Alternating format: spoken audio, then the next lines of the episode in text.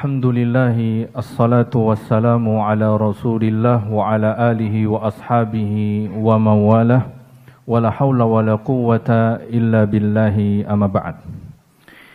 Para hadirin, ikhwan dan akhwat, segala pujian hanya milik Allah atas nikmat dan juga rahmat taufik hidayah pada kesempatan berbahagia di pagi hari, di siang hari ini kita bisa terus berkesempatan meningkatkan keimanan dan ketakwaan kita dengan kita bisa hadir di tempat yang mulia ini dengan tujuan yang mulia juga yaitu bertolabil ilmi syar'i.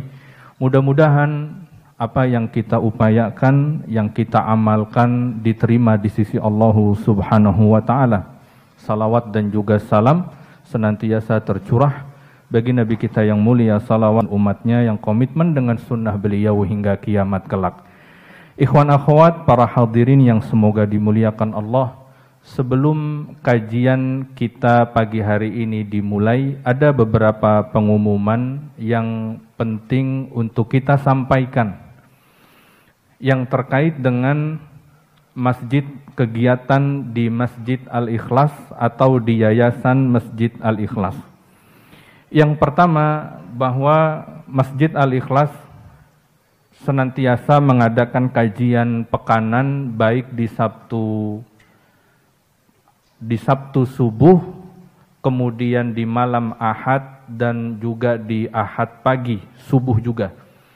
Dan juga untuk jadwal kajian eh, Dr. Ustadz Erwandi Tarmizi itu secara rutin diadakan pada pekan ketiga. Setiap pekan ketiga pada setiap bulannya, yaitu kajian Sabtu Ba'da Subuh, ya, sampai nanti mungkin jam setengah tujuh. Nah itu pada Sabtu ketiga setiap bulannya eh, Ba'da Salat Subuh. Dan kemudian di Masjid Al-Ikhlas juga kami mengadakan kegiatan pengembangan pembelajaran Al-Quran dan ini terbuka umum untuk seluruh kaum muslimin dan gratis. Untuk yang bapak-bapak, apalagi sudah menjelang bulan Ramadan, tentunya setiap diri kita menetapkan target berapa kali dia hatam Quran, seberapa banyak dia membaca Al-Quran oleh karena itu, kita persiapkan waktu yang ada yang kurang lebih satu bulan lagi masuk bulan Ramadan. Mari kita persiapkan, kita perbaiki, kita perbagus bacaan kita sehingga kalaupun khatam Quran dengan khatam yang berkualitas, bukan khatam yang tidak sempurna pahalanya karena faktor bacaan yang tidak baik dan tidak benar. Oleh karena itu, kita buka kesempatan kepada seluruh ikhwan dan juga akhwat.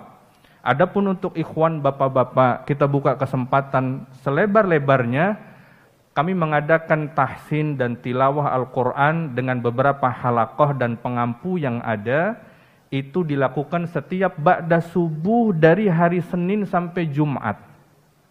Setiap ba'da subuh dari hari Senin sampai Jumat.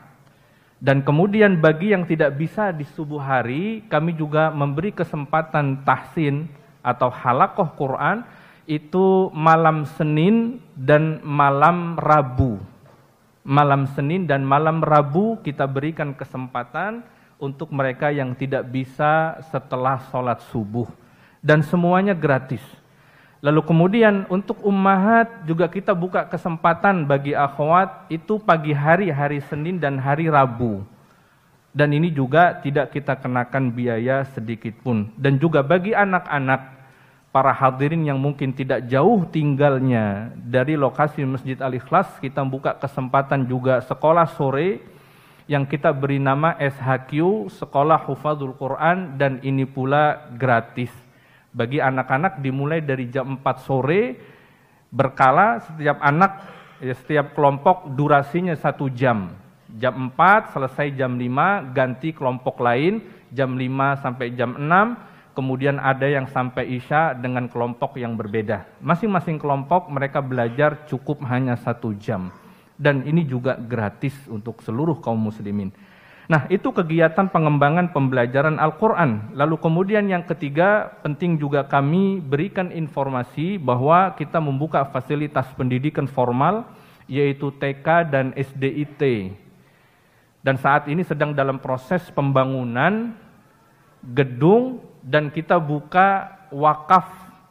Artinya ke depan kita merupakan salah satu sekolah yang membebaskan biaya gedung namun memang kita belum mampu untuk menggratiskan operasional pendidikan anak putra-putri, bapak dan ibu sekalian.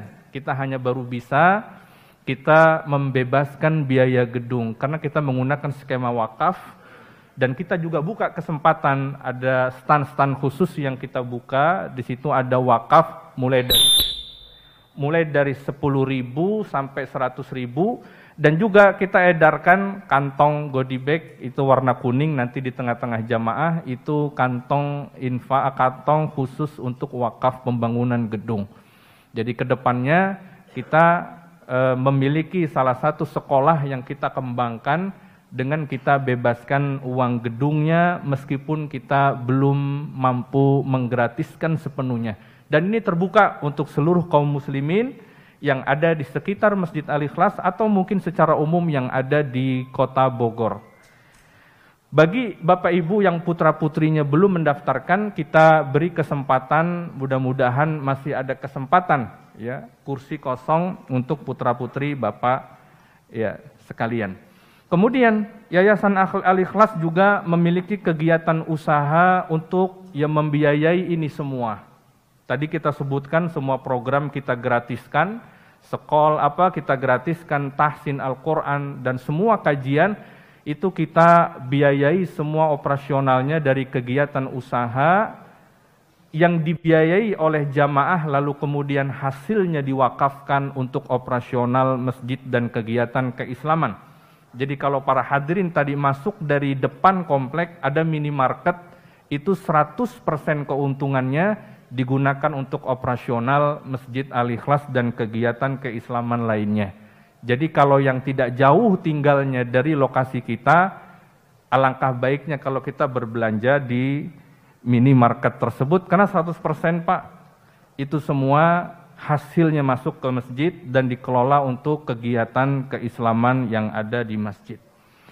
Lalu kemudian Perlu kami ingatkan kembali tentang uh, ketertiban di lokasi kita. Jadi mohon kepada seluruh jamaah kita bisa uh, menjaga kebersihan dan ketertiban wabil khusus nanti setelah kajian ini berakhir untuk dimohon kendaraan kita nggak usah tergesa-gesa.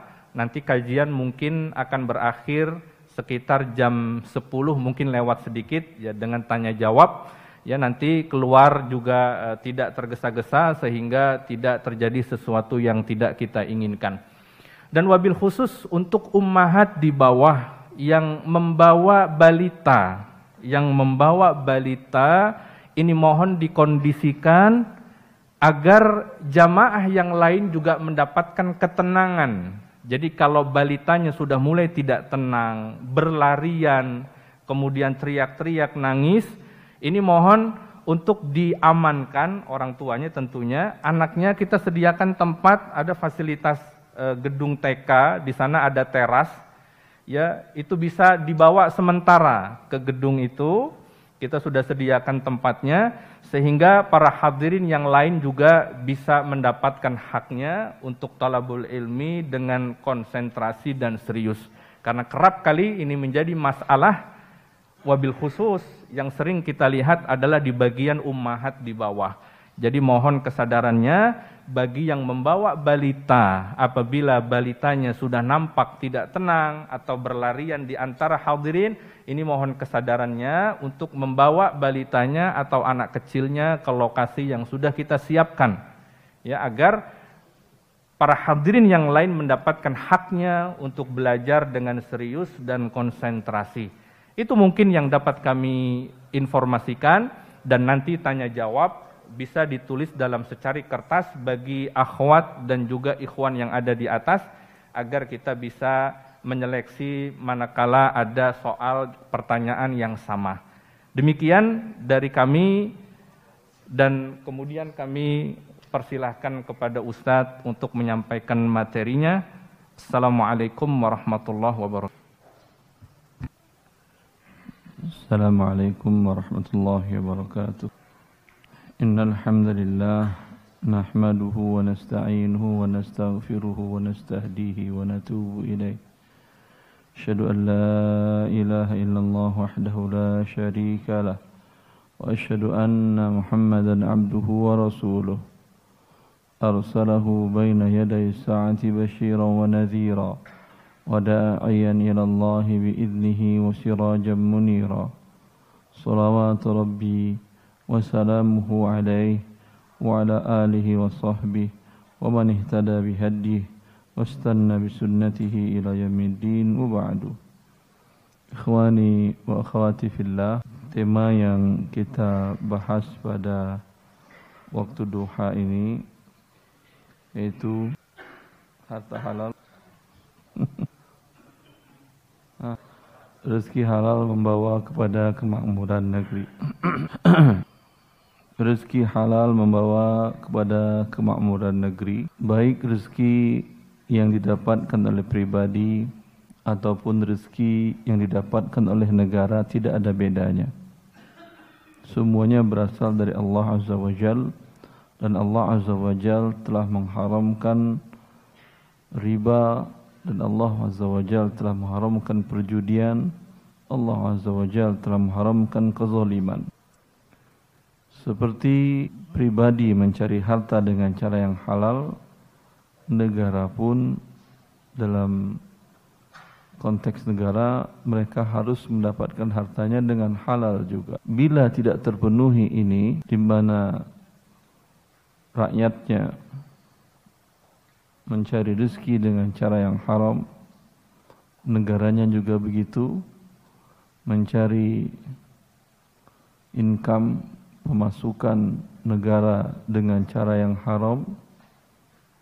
Maka jangan pernah berharap pribadi dan negara tersebut mendapatkan kebahagiaan di dunia sebelum di akhirat.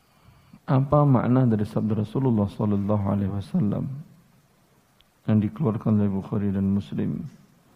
"Idza tabaya'tum bil 'aina wattaba'tum adnab al-baqar wa raditum biz-zar'i wa taraktumul jihad sallallahu alaikum dhulla la yanzi'uhu minkum hatta tarji'u ila dinikum. Sebelumnya Rasulullah sallallahu alaihi wasallam juga bersabda, "Iza zahara zina fi qaryatin faqad ahallu bi anfusihim azab Allah." Hadis diriwayatkan oleh Hakim dan dihasankan oleh Syekh Al-Albani. Rasulullah SAW bersabda, bila zina dan riba di suatu negeri, Korea, Korea dalam bahasa Arab bisa masuk sebuah negeri kota kecil, desa, kampung, bisa kota, bisa negara, bisa namakan Korea. Bila suatu kaum, suatu negeri, suatu kampung di sana telah menggejala, tampak, kelihatan, tidak tutup-tutup lagi. Orang melakukan zina dan riba. Zina dan riba Berarti perbuatan ini kata Rasulullah ahallu bi anfusihim azab Allah. Mereka menghalalkan terhadap diri mereka akan azab Allah. Ya. Pada dasarnya Allah Maha Pengasih, Maha Penyayang. Tapi ketika seseorang melanggar ketentuan Allah, Berarti dia yang sudah terus terang, ya Allah silahkan mau azab, silahkan azab. Ini buktinya kami sudah melakukan ini. Orang tua umpamanya mengajarkan dan mengingatkan anaknya. Walillahil mathalul a'la. Nak, begini, begini, begini, hidup ikuti aturan bapak. Lalu sengaja dia melanggar. Ya udah pak, mau pukul-pukul aja aku, mau usir-usir aja udah, mau bunuh-bunuh aja lah sekalian. Ya, memang sengaja dia mengundang azab Allah Azza wa. Bila azab Allah akan turun dan turun, ya, tidak ada kebahagiaan lagi hidup di dunia. Itu terus terang mereka berbuat riba. Mereka berbuat riba dengan cara pengelabuan. Dan ini terlihat kita lihat dalam kenyataan di lembaga-lembaga yang menamakan dirinya dengan syariah. Oh maaf, mereka tidak mengaku syariah, tapi mereka mengaku menuju syariah. Itu, itu atau tidak pengakuannya? Ya, kalau bahasa gaulnya OTW syariah. The way. Kalau OTW atau menuju sudah sampai atau belum? Kalau belum berarti masih riba atau sudah syariah? Ya riba lah. Kalau dikatakan teman-teman dan ngumpul semuanya, kamu mana? Aku nggak kelihatan di masjid OTW kata dia. Berarti ikut ngaji dia atau tidak? Tentu tidak. Ya. Dan Rasulullah sudah mengatakan mengingatkan ini. Idza tabaya kalau tadi dia benar-benar melakukan riba, berarti sudah terus terang dia ngundang azab Allah menghalalkan silahkan turunkan azab ya Allah. Sekarang mereka mengelabui syariah tadi sehingga terkesan halal atau sekelas syariah tapi sebetulnya tidak. Rasulullah mengatakan, "Idza tabaya'tum bil 'ina wattaba'tum aznab al-baqar wa raditum bizar'i, sallatallahu 'alaikum dhulla la yanzi'uhu hatta tarji'u ila dinikum." Bila kalian bertransaksi jual beli dengan cara inah, jual beli dengan cara inah. Kemudian kalian merasa redha senang dan nyaman dengan hewan ternak dan hasil pertanian kalian. Sehingga kalian meninggalkan jihad bisa billah kalau sudah cinta dunia. Ingat pada saat itu Allah berikan kepada kalian zulla, kehinaan. Dan tidak Allah cabut kehinaan itu dari diri kalian wahai kaum muslimin sampai kalian kembali kepada agama Allah. Pertama, pengelabuan riba dengan jual beli inah. Dan ini ada dan menjadi produk di lembaga keuangan syariah. Walaupun namanya tidak inah. Mereka tentu tidak berani mengatakan namanya inah. Apa itu inah? Ada hadiah panitia? Hadiah ada? Ya udah, buku saya. Masya Allah. Siapa yang bisa jawab apa itu inah? Hah? Masya Allah. Serah terima. Allah barik. Allah salim. Ya, itu jual beli inah.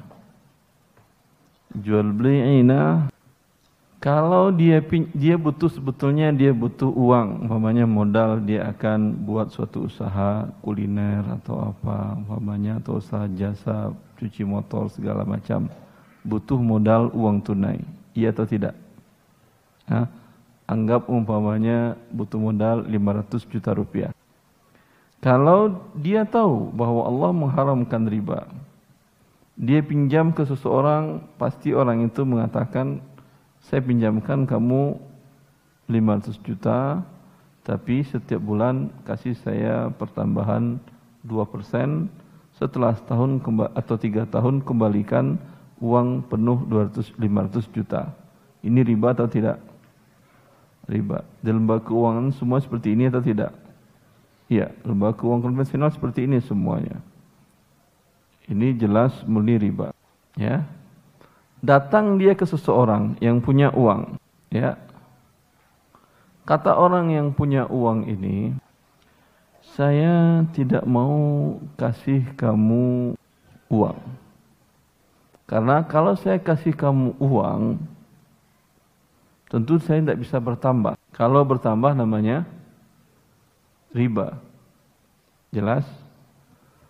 Nih, saya jual kepada kamu rumah dengan cara tidak tunai. Selama lima tahun. Ini harga pasaran 400 juta, 300 juta karena kamu bayar lima tahun. Ah, saya jual kepada kamu 500 juta. Maaf. Enggak dapat di 500. Ini Kalau harga tunai 500 juta, karena kamu tiga tahun, saya jual kepada kamu 700 atau 750 juta. Paham sampai di sini? Kata dia, saya nggak mau rumah, saya mau uang. Sebentar, sebentar. Jual lagi rumah itu ke saya 500 juta. Ini bawa uang. Paham? Dapat nggak dia uang 500? Berapa dibayarnya nanti? 750. Halal atau haram? Lah kan jual beli. Hah? Yang jelas hadiah sudah dapat beliau ya. kan jual beli. Haram dari mana jual beli? Memang jual beli yang tidak tunai lebih mahal dari yang tunai. Jelas ya. Dari mana ribanya? Ribanya jual belinya adalah pengelabuan. Yang intinya dari awal kan dia butuh uang. Kecuali kasusnya dia memang beli tidak tunai dan bukan tujuan awalnya uang. Ainah, kenapa nama ainah? Ainah itu artinya ain. Ain itu untuk emas dan perak. Jadi tujuannya bukan barang. Tujuannya adalah uang. Itu yang dimaksud Rasulullah. Jika kalian berjual beli dengan cara ainah. Tujuannya uang, bukan barang. Kalau umpamanya saya beli rumah dari seseorang, dari developer atau seseorang seharga 800 juta dengan pembayaran lima tahun. Qadar Allah, saya pindah ke luar negeri umpamanya. Pindah ngajar ke universitas di Arab Saudi, ngajar di sana. Umpamanya. Berarti rumah saya masih perlu? Tidak kan? Dan saya di sana juga butuh uang tunai.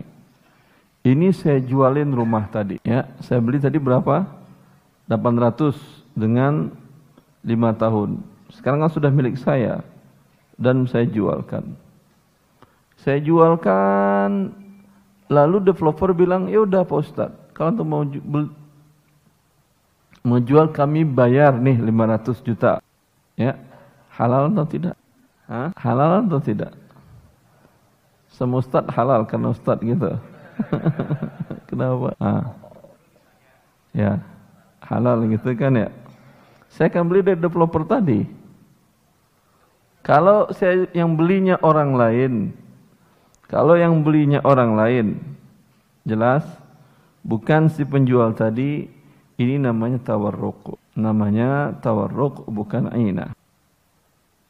Ini masih ringan daripada aina. Walaupun sebagian ulama seperti Syekh Hasan bin Taimiyah beliau mengharamkannya.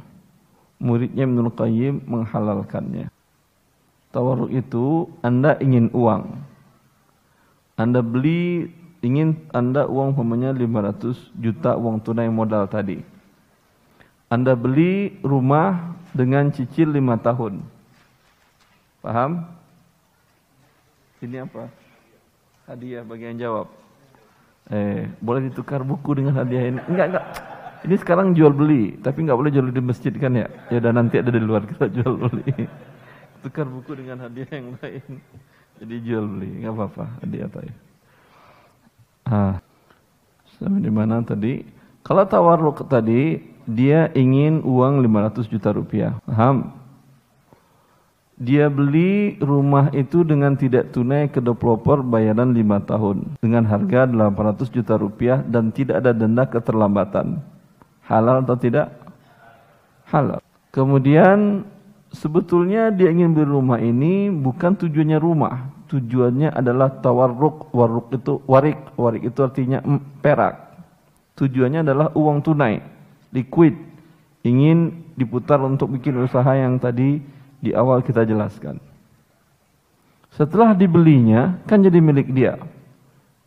Dan alhamdulillah si penjual tidak meminta barang itu sebagai jaminan. Dia cukup percaya dengan pembeli ini. Kalau dijaminkan tentu nggak bisa dijual.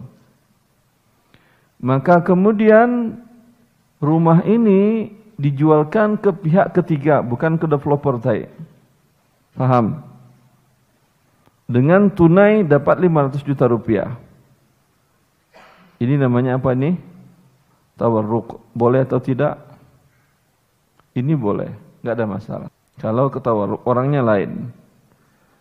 Ya, saya pernah ditanya oleh teman dahulu masih ingat ini kasus kok ini kasus kejadian kok tadi kan teori dia bertanya start kata dia saya jual beli kambing pedagang kambing kata dia suatu ketika ada orang menawarkan sapi milik dia ingin dijualnya ke saya sekitar 10 ekor sapi saya bilang saya nggak berani.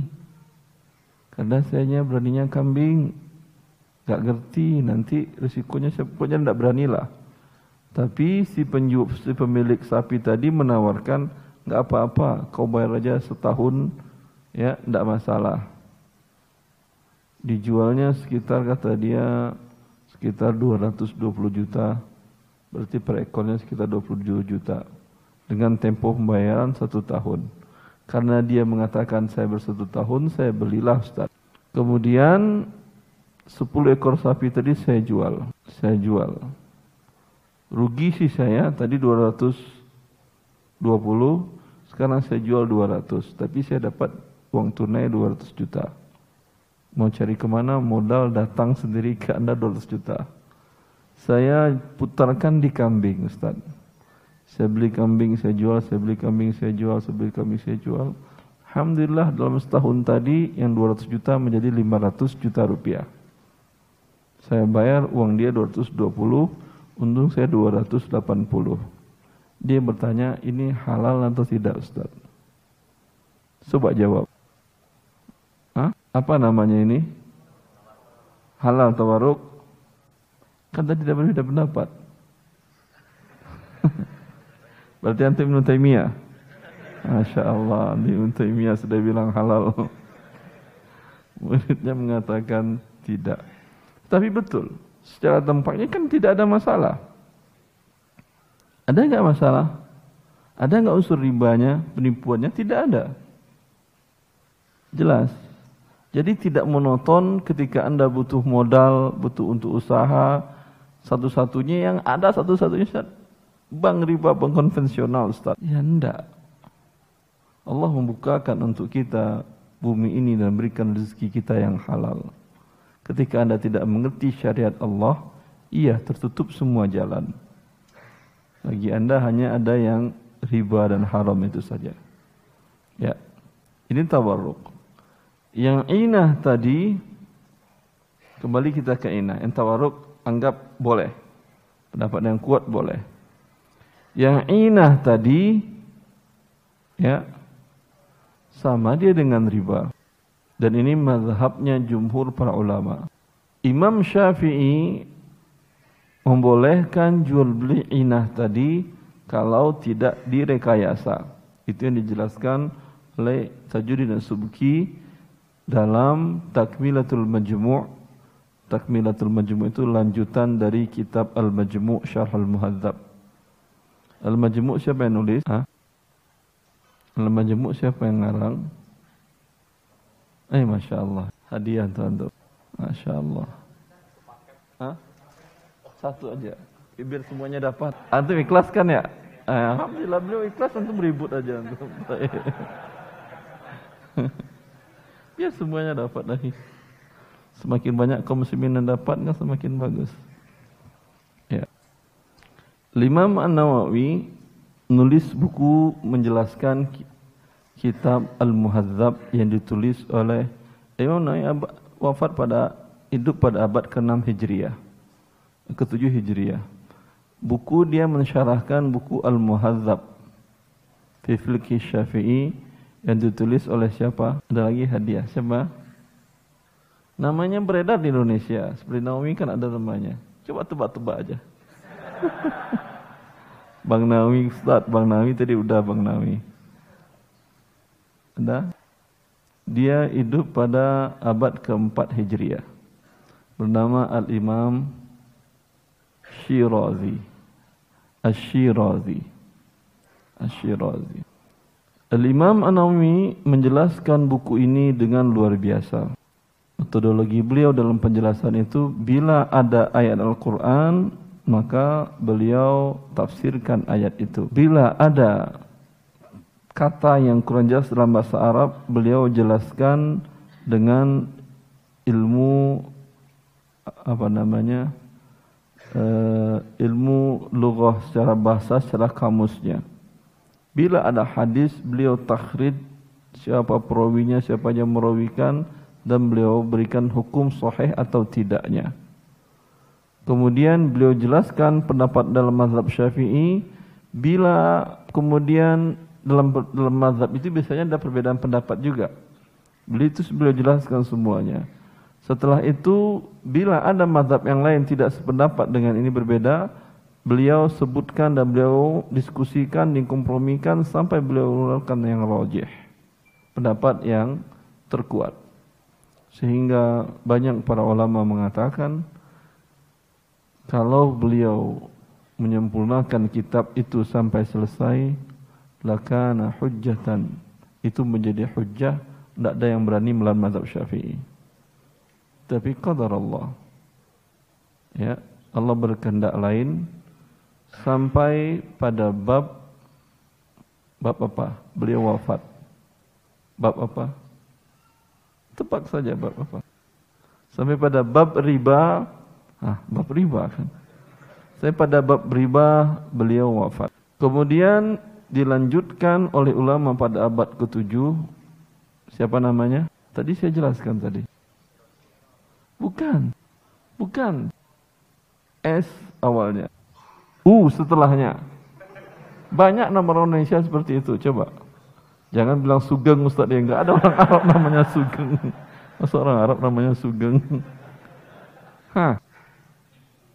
Apa? Bukan. B setelahnya. Tadi kan saya sebutkan. Sebelum saya ceritakan Imunami tadi. Sub. Ah. Empat. Bukan sub iga, jelas salah sub iga. Ah. Ini penting kita, ini pahlawan dalam Islam ni akhi. Karena mereka menghabiskan umur mereka untuk agama Allah ini. Kita dapatkan agama Allah ini sangat luas. Itu jangan dah katakan, Ustaz Wandi, tentu bisa itu dari mana? Ini sedikit dari ulama salaf ilmu mereka yang kita pelajari. Kalaulah ada yang bisa menguasai ilmu salaf seluruhnya, Masya Allah. Menjadi hujah, tidak ada satupun manusia yang berani menentukan sesuatu melainkan rujuk kepada kita penerus agama Allah ini. Pahlawan ini akhi. Antum kenal James Watt, kenal apa lagi? James Bond, ah James Bond enggak? Uh, Thomas Alva Edison kenal antum, Einstein yang kenal antum. Padahal untuk dunia manfaatnya tidak seperti para ulama tadi. Dia ini adalah pahlawan. Mereka adalah pahlawan. Tidak ada? Oh, Masya Allah. Antum sering sakit apa? Sebut kurma. Pilih, pilih, pilih. Ini hadiah boleh, bukan jualan. Kalau yang belanja di luar sana. Ada vitamin satu, ambil satu-satu ya. Baik, Subuki. Tajuddin Subuki. Sering kan nama Indonesia Subuki kan ya? Iya. Subuki. Beliau merupakan ulama dalam mazhab Syafi'i. Beliau lanjutkan buku Imam Nawawi tadi dengan nafas yang sama. Ya. Al-Imam Nawawi tadi tujuh jilid besar bukunya. Ditulis pakai tangan di masa itu. Kebayang oleh anda? Hah? kalau buku saya umpamanya 600 halaman nggak pakai tangan pakai pakai komputer. Dulu pakai tulis tangan. Tujuh jilid besar. Sekarang sekitar 13 jilid satu jilidnya lebih 700 halaman Al-Imam Masuki melanjutkan tapi tidak dengan nafas yang sama Berbeda karena berbeda keilmuan masing-masing orang. Jelas? Andai umpama buku harta haram saya dilanjutkan oleh seseorang. Di mana umpamanya beliau melihat banyak kasus-kasus baru sekarang. Andai saya wafat. Ya, melihat ada kasus fintech enggak ada di buku saya. Apalagi e-commerce ada sebagian. Fintech tidak ada. Kemudian nanti berkembang lagi umpamanya bisnis-bisnis yang lain ya dilanjutkan dan dia tambahkan ke buku itu. Tentu nafasnya berbeda. Ya, karena beda orang pasti beda nafas karya ilmiahnya. Dilanjutkan oleh Subki dengan nafas yang di bawah oleh nafas Nawawi. Belum selesai beliau wafat juga. Sehingga para ulama mengatakan, siapa ingin wafat silahkan lanjutkan. ya.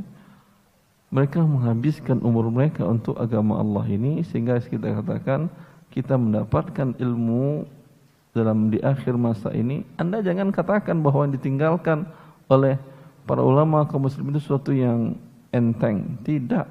Sekarang dunia semuanya merujuk ke situ. Anda tahu undang-undang undang-undang pidana yang terbaik itu di Italia. Saya dulu ada dok, profesor dari Mesir.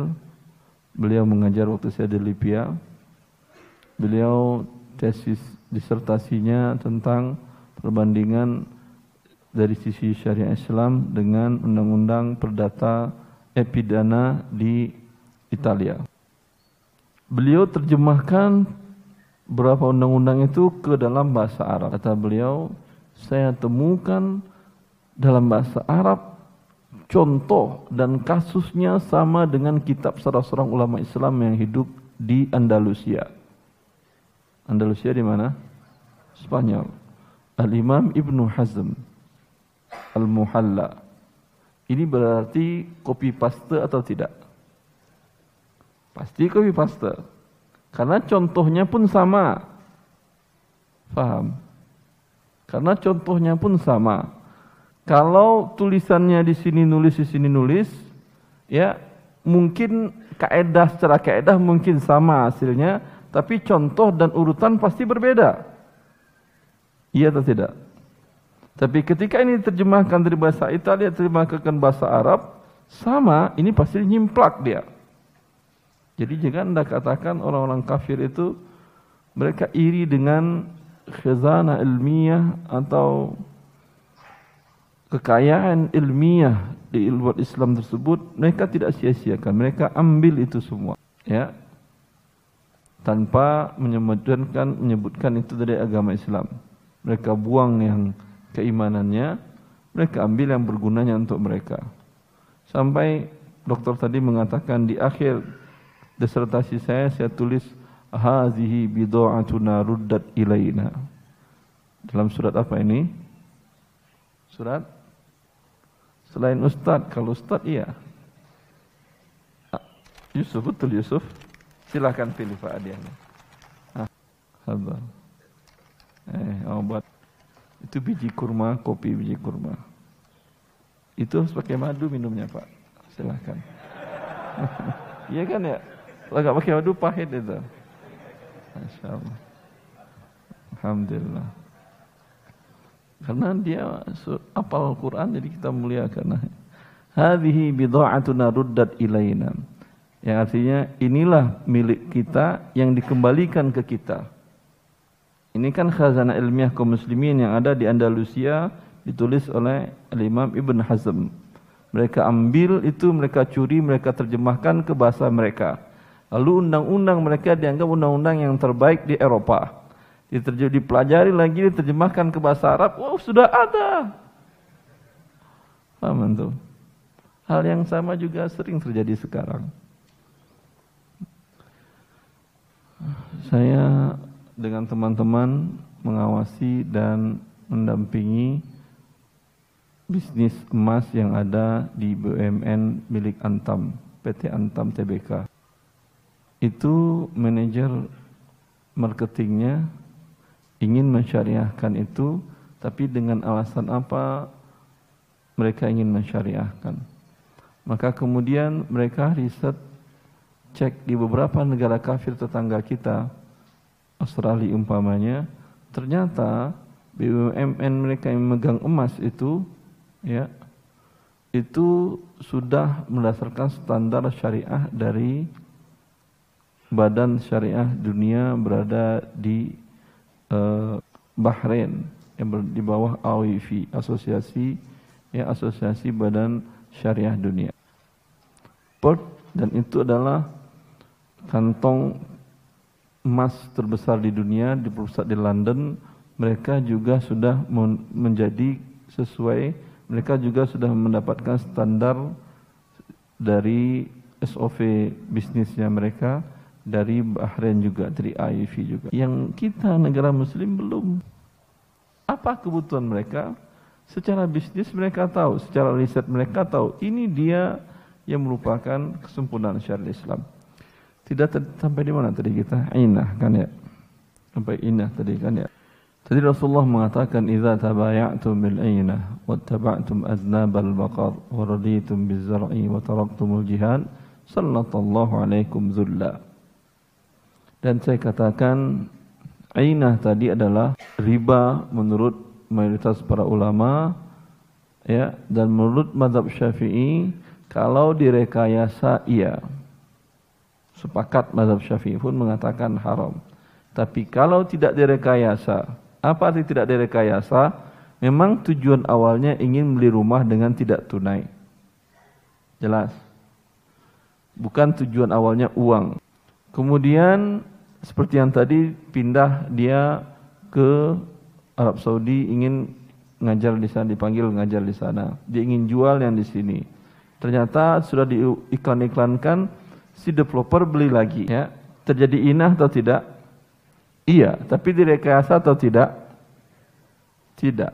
Ini yang menurut mazhab Syafi'i boleh. Tapi jumhur ulama tetap mengatakan tidak boleh. Ya. Tapi kalau direkayasa seperti kasus yang tadi. Pak, saya butuh uang 500 juta. Oh, enggak, saya enggak mau ngasih pinjaman uang. Tapi kalau kamu mau beli rumah saya ini dengan harga 800 juta tidak tunai. Ya, saya butuh uang, jual lagi ke saya, saya bayar kamu 500 juta. Hah? Ada enggak praktek ini dalam kehidupan sehari-hari kaum muslimin di Indonesia? Hah? Di mana? Di Bogor atau di mana? Saya dengar di beberapa daerah di ujung Pulau Jawa ada. Waktu saya ke sana kata mereka ada ustaz biasa ustaz. Di daerah kami itu bentuknya bukan pinjaman riba karena kaum muslimin di sana lumayan mengerti agama Allah. Kalau pinjam uang tidak ya dengan bayar berlebih. Tapi dengan cara dikasih barang jual beli tidak tunai, kemudian dijual lagi kepada pemilik barang dan dapat uang nanti dibayar berlebih, ya.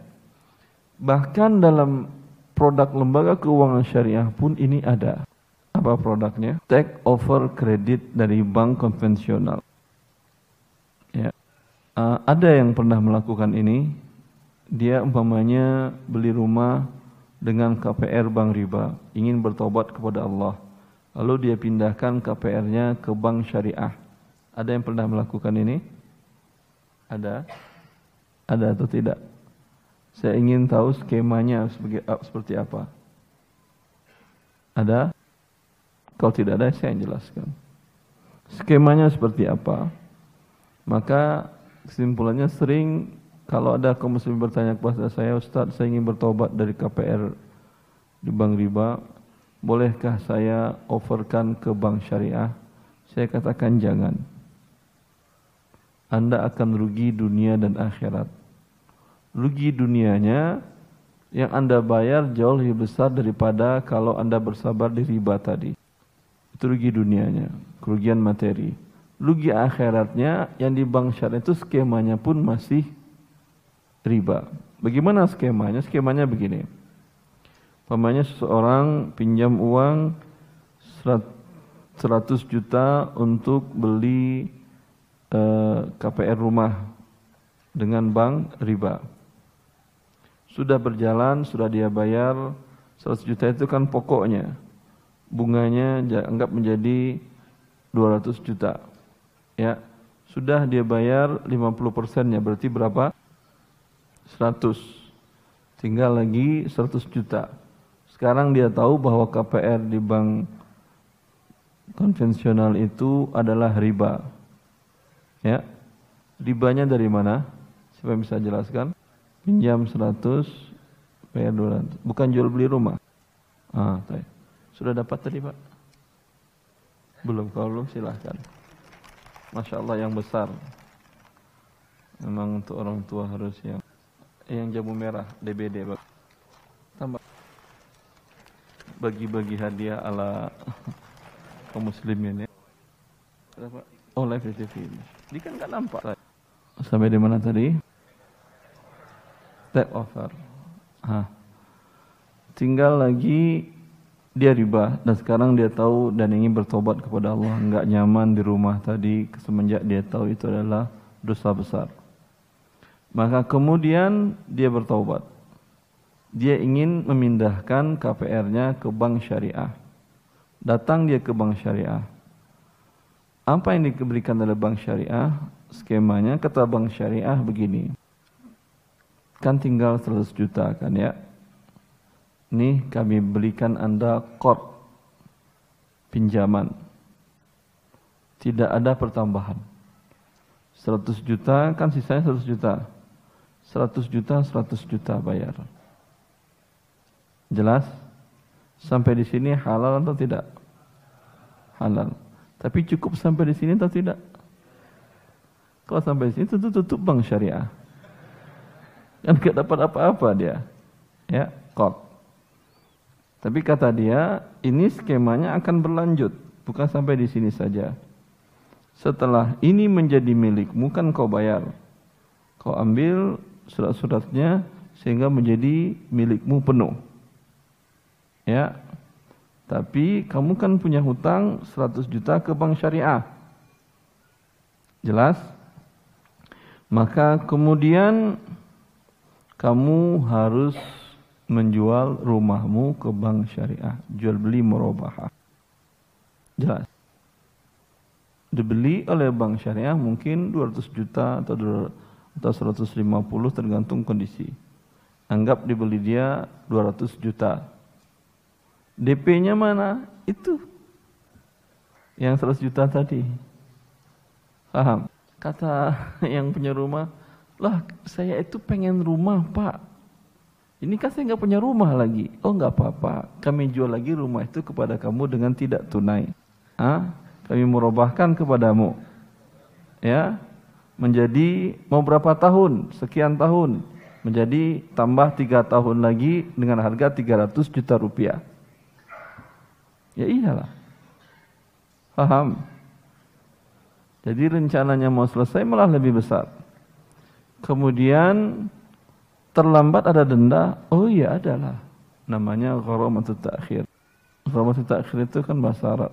Bahasa Indonesianya denda keterlambatan. Ah, riba atau tidak?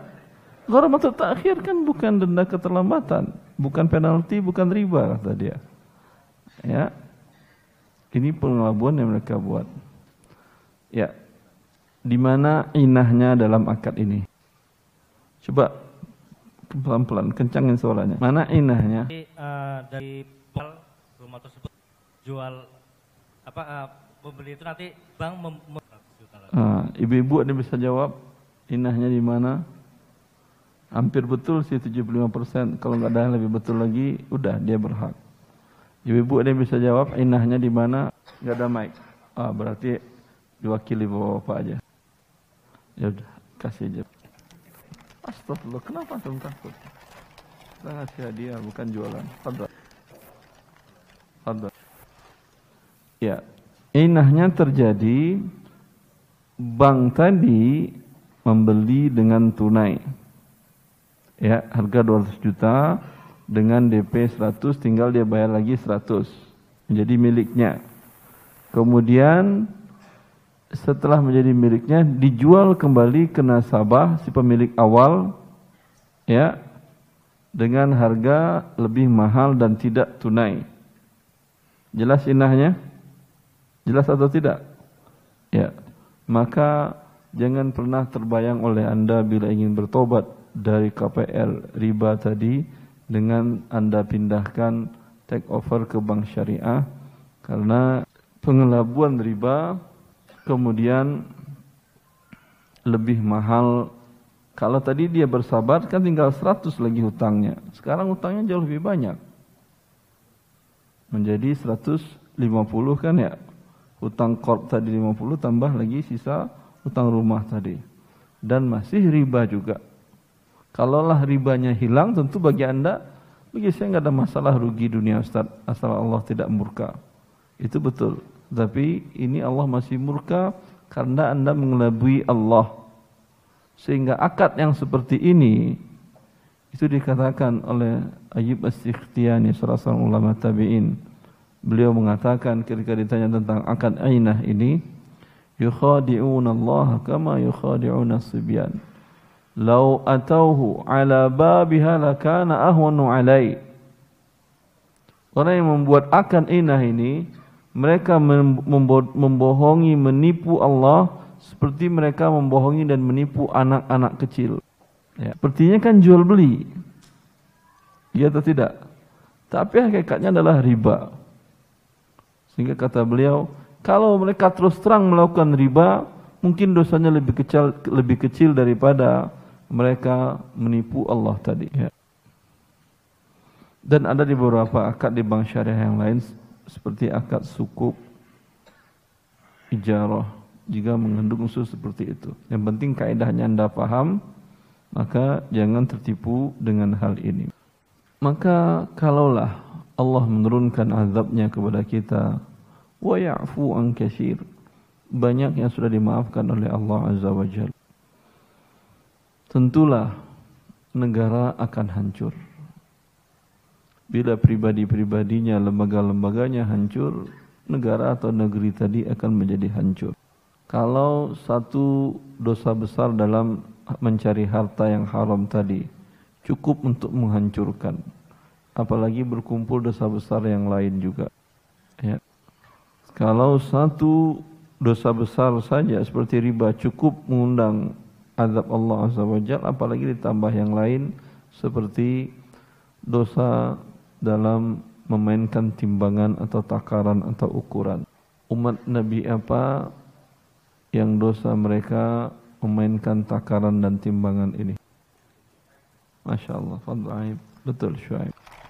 Apa nama negerinya selain anda? Apa nama negerinya anda ambil? Hah? Siapa yang dulu yang belakang? Oh yang belakang Fadl. Belum dapat kan ya? Untuk belum juga. Minta ke Allah. Wa ila madyana akhahum syu'aiba kepada negeri Madian kami utus Nabi Shu'aib. Ya. Mereka dikenal dengan dosa besarnya selain ingat orang kalau jauh dari bertauhid kepada Allah Azza wa Jal dosa lain akan muncul. Maka seluruh para nabi dan rasul dakwah mereka adalah tauhid. Ya. Anda akan lihat Orang bila tawakalnya kepada Allah terganggu, keyakinannya kepada Allah tidak kuat, akan gampang dia berbuat dosa. Terayu sedikit, dia akan berbuat dosa. Kondisi agak terjepit keuangannya sedikit, dia akan berbuat dosa. Ya. Maka setelah Shu'aib menyerukan kepada kaumnya, Ani'budullah, agar kalian beribadah kepada Allah, dan jangan kalian mengurangi wala tabkhasun nasa asya'ahum. Jangan kalian kurangi hak-hak manusia dengan mengurangi timbangan. Negeri Madian tersebut merupakan apa namanya? Kota persinggahan. Singapura itu apa nama negerinya itu? Negara transit.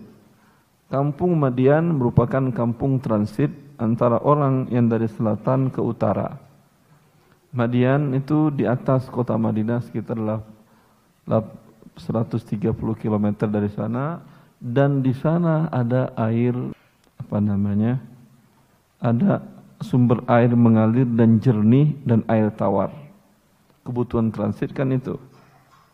Dia antara orang dari Yaman, dari Mekah, dari Madinah ingin ke utara ke Syam mesti singgah di sana. Yang dari Syam ingin berdagang, membeli ke bawah, mesti singgah di kota transit tadi, Madian tadi. Kota transit biasa dikenal dengan perniagaan. Ya. Dan sifat mereka berniaga seperti itu. Mereka mengurangi timbangan. Ya. Ini menunjukkan bahwanya syariat Allah Azza wa Jal tidak bagi-bagi. Maksud saya tidak bagi-bagi.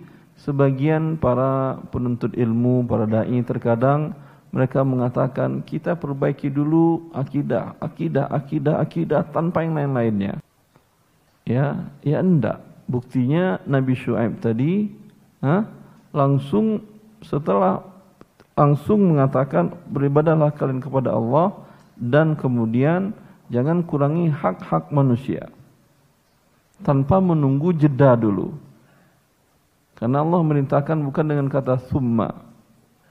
Kalau dengan kata summa kemudian itu ada jeda. Berarti para dakwah para nabi itu memang akidah itu mesti. Tetapi tergantung kerusakan mereka apa langsung disampaikan dan diperbaiki. Kerusakan-kerusakan dalam umat per umat tadi. Ya. Maka beliau sampaikan jangan kalian mengurangi timbangan dan mereka mengurangi timbang. Apa azab yang Allah turunkan kepada mereka? Panas sama gempa terus awan. Masya Allah. Fadl Syekh. Silahkan.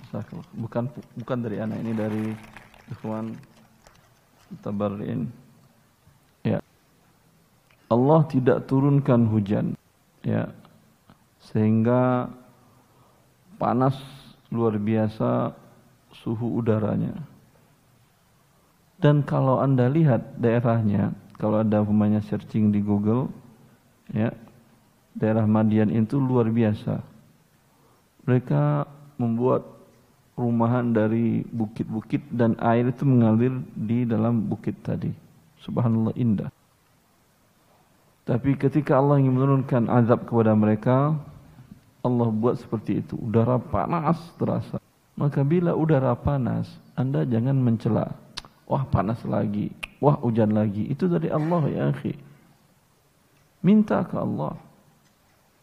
Ya. Bukan mencela alam semesta ini. Karena mereka semuanya diperintahkan oleh Allah Azza wa. Panas sehingga mandi pun mereka tidak ada Habis mandi iya, habis itu tidak segar lagi. Mandi terus berendam terus ya kapan mereka melakukan aktivitas yang lain. Kemudian Allah kirimkan hujan apa awan gelap. Ya. Senang hati mereka. Hada adidun mumtiruna. Kata mereka, ini hujan yang akan menurunkan ini awan gelap akan menurunkan hujan untuk kita. Oleh karena itulah Rasulullah sallallahu alaihi wasallam ternyata awan maaf afan dulu, ternyata awan tadi malah menurunkan azab kepada mereka. Padahal mereka berharap tadi awan membawa hujan ternyata yang turun adalah petir meteor yang membunuh mereka sedang berkumpul di ruangan di lapangan besar tadi. Selain itu Keluar suara menggelegar yang memekakkan, memecahkan gendang telinga mereka. Dari bawah Allah guncang bumi, Allah berikan gempa. Ya, dihujani meteor, kemudian suara yang begitu kuat memecahkan gendang telinga dari arah semua arah dan dari bawah digempakan oleh Allah Azza wa Jal. Mereka mati bergelimpangan di lapangan tersebut. Oleh karena itu, adalah kebiasaan Rasulullah sallallahu alaihi wasallam bila melihat awan gelap apa kebiasaan Rasulullah SAW? Hah? Diceritakan oleh istri beliau ibunda kita Aisyah radhiyallahu anha bahwa Rasulullah SAW kalau melihat awan gelap terlihat dari muka beliau ketakutan. Ya. Apa yang beliau takutkan? Azab murka Allah. Fadal, dua-duanya. Boleh dua-duanya ya azab dan murka Allah karena Rasulullah takut. Karena ini diturunkan oleh Allah. Hadza 'aridun mumtiruna. Mereka berharap ini hujan akan menyelesaikan masalah kita sehingga kita tidak kepanasan lagi. Kan biasanya begitu kan ya? Kalau Anda lihat awan gelap udara panas kan ya? Ha? sebagian kaum muslimin senang. Allah betul alhamdulillah senang. Tapi Rasulullah tidak begitu. Takut apa yang menimpa umat sebelumnya menimpa beliau dan menimpa umatnya Sampai turun hujan kata Aisyah. Ketika turun hujan baru terlihat muka wajah berseri dari Rasulullah sallallahu alaihi wasallam karena yang turun adalah rahmat Allah azza wajal. Juga jangan Anda cela rahmat Allah. Ketika hujan turun, mungkin Anda lagi jemur pakaian atau jemur padi atau baru habis nyuci mobil, ah, nyuci motor, jangan celak karena ini adalah rahmat Allah Azza wa Jalla yang turun. Ya, tapi bacakanlah doa. Apa doanya? Ini hadiahnya gimana baginya? Musinin. iya. Allahumma sayyiban nafi'a. Ya, itu yang Allah berikan kepada kaum Madian umat Nabi Shu'aib. Kita lihat di negeri kita sekarang. Apakah curang dalam timbangan dan takaran ini ada? Wallahu alam. Banyak ada. Mana yang betul? Banyak atau ada? Ada banyak. Sebutkan satu kasus. Bukan asal ngomong ya. Yang Anda betul-betul tahu di bawah panci, di bawah tempat apa namanya barangnya ada batu. Anda lihat, masya Allah. Anda lihat berarti berkewajiban menasihatinya. Dinasihati atau tidak? Oh enggak dapat dia kalau gitu. Fadal, fadal. Ah, hadiah. Fadal. Allah ke depannya setiap ada kaum muslimin nasihati akhi. Mungkin mereka berpikir kalau gua nggak begini dagangnya, saya rugi. Karena orang-orang jual murah dengan cara begini. Iya atau tidak? Hah? Si fulan, si fulan semuanya begini. Ya. Dan otomatis untungnya dia bilang harganya murah, sebetulnya tidak murah. Kalau saya jual dengan harga standar biasa tidak begini, saya pasti tidak ada pembeli. Ini caranya betul cara berpikirnya atau salah? Ini yang perlu diperbaiki. Cara berpikir Anda berdagang. Anda berpikir dan ini banyak kasusnya, bukan kasus satu ibu ini saja. Banyak kasusnya. Semua orang beranggapan, kalau nggak gitu saya bisnis gimana caranya Ustaz? Benar saya untung. Dia berpikir rezekinya itu berdasarkan dari logika dia dalam berdagang. Trik-trik dia dan strategi bisnisnya. Bukan dari Allah rezekinya. Kalau anda tahu rezeki anda dari Allah, ikuti syariat Allah, bukan menentang syariat Allah. Kalau kita nggak curang, dari mana kita bisa makan? Ya. Semua orang curang. Ini cara berpikir yang salah. Coba anda katakan, anda tanpa menjelek-jelekkan orang lain. Ibu, kok lebih mahal? Anda tidak pakai tak seperti tidak menipu. Ibu, kok lebih mahal? Ya modalnya mahal nak. Ya, tapi insya Allah timbangan saya benar. Dan pun tidak anda sebutkan timbangan anda benar, anda katakan ya memang segitu harganya, dia akan berasa atau tidak si pembeli-pembeli tadi? Sama dia ini lebih mahal, tapi dapatnya lebih banyak. Cabainya bisa tahan seminggu. Kalau di tempat yang lain dengan berat yang sama, satu on, dua hari habis. Iya atau tidak? Ya. Ini yang orang terkadang tidak kuat. Tidak mengerti dalam mencari rezeki Allah. Dia pikir rezeki itu dapat dari logikanya dia, dari strateginya dia. Bukan dengan mengikuti syariat Allah Azza wa Jal. Sering saya mencontohkan tentang kisah dua sahabat Rasulullah SAW antara Utsman dengan Umar bin Khattab dan salah anhumah di mana Utsman membeli budak dari Umar bin Khattab. Setelah Utsman membeli, beberapa hari kemudian dia komplain kepada Umar bahwa budak yang kau jual itu cacat, ada sakit kulitnya. Kata Umar, tidak. Setahu saya dia tidak ada penyakit kulitnya. Kalau ada itu berarti di tanganmu. Saya enggak mau menanggung. Lalu Kata Uthman, kalau gitu kita bawa ke Qadi, Syurah Al-Qadi. Kata Syurah Al-Qadi, Al-bayinatu ala al-mudda'i wal yaminu ala man ankar. Bukti dikemukakan oleh orang yang mendakwakan dan sini buktinya jelas dan sudah dikemukakan oleh Uthman ini ada cacatnya. Kalau engkau mengingkari, engkau wajib bersumpah atas nama Allah Azza wa Jal bahwa saat engkau jual tidak ada cacatnya. Lalu disuruh Umar bersumpah atas nama Allah empat kali bahwa ini ketika dia jual tidak ada cacatnya. Berani Umar? Tidak. Karena risikonya besar. Kalau dia berani bersumpah atas nama Allah gara-gara hanya uang ya tadi itu dijualnya dengan harga 800 dinar. Kalau cacat tentu turun harganya kan ya. Mungkin selisih 100 dinar. Dia tidak mau Allah murka gara-gara 100 dinar sehingga diambil lagi budak itu oleh dia. Dia mengagungkan asma Allah enggak kata dia ya udah saya tidak mau bersumpah, sini budak itu dan ini uangmu 800 dinar. Kalau menurut anda rugi nggak Umar ini? Rugi. Dan itu cara banyak berpikir orang. Rugi ente. Harusnya sumpah aja. Tahu anda kalau sumpah apa yang akan turun? Karena dia ini mencuri hak orang, anda yang harga realnya adalah 700 berarti 100 dinar. 100 keping uang emas dia ambil karena pakai nama Allah. Ini ngerampok pakai nama Allah. Ya. Pasti murkanya berat. Umar tidak berani. Menurut orang rugi. Ya kan sumpah-sumpah aja. Ya. Enggak Umar enggak berani. Ya.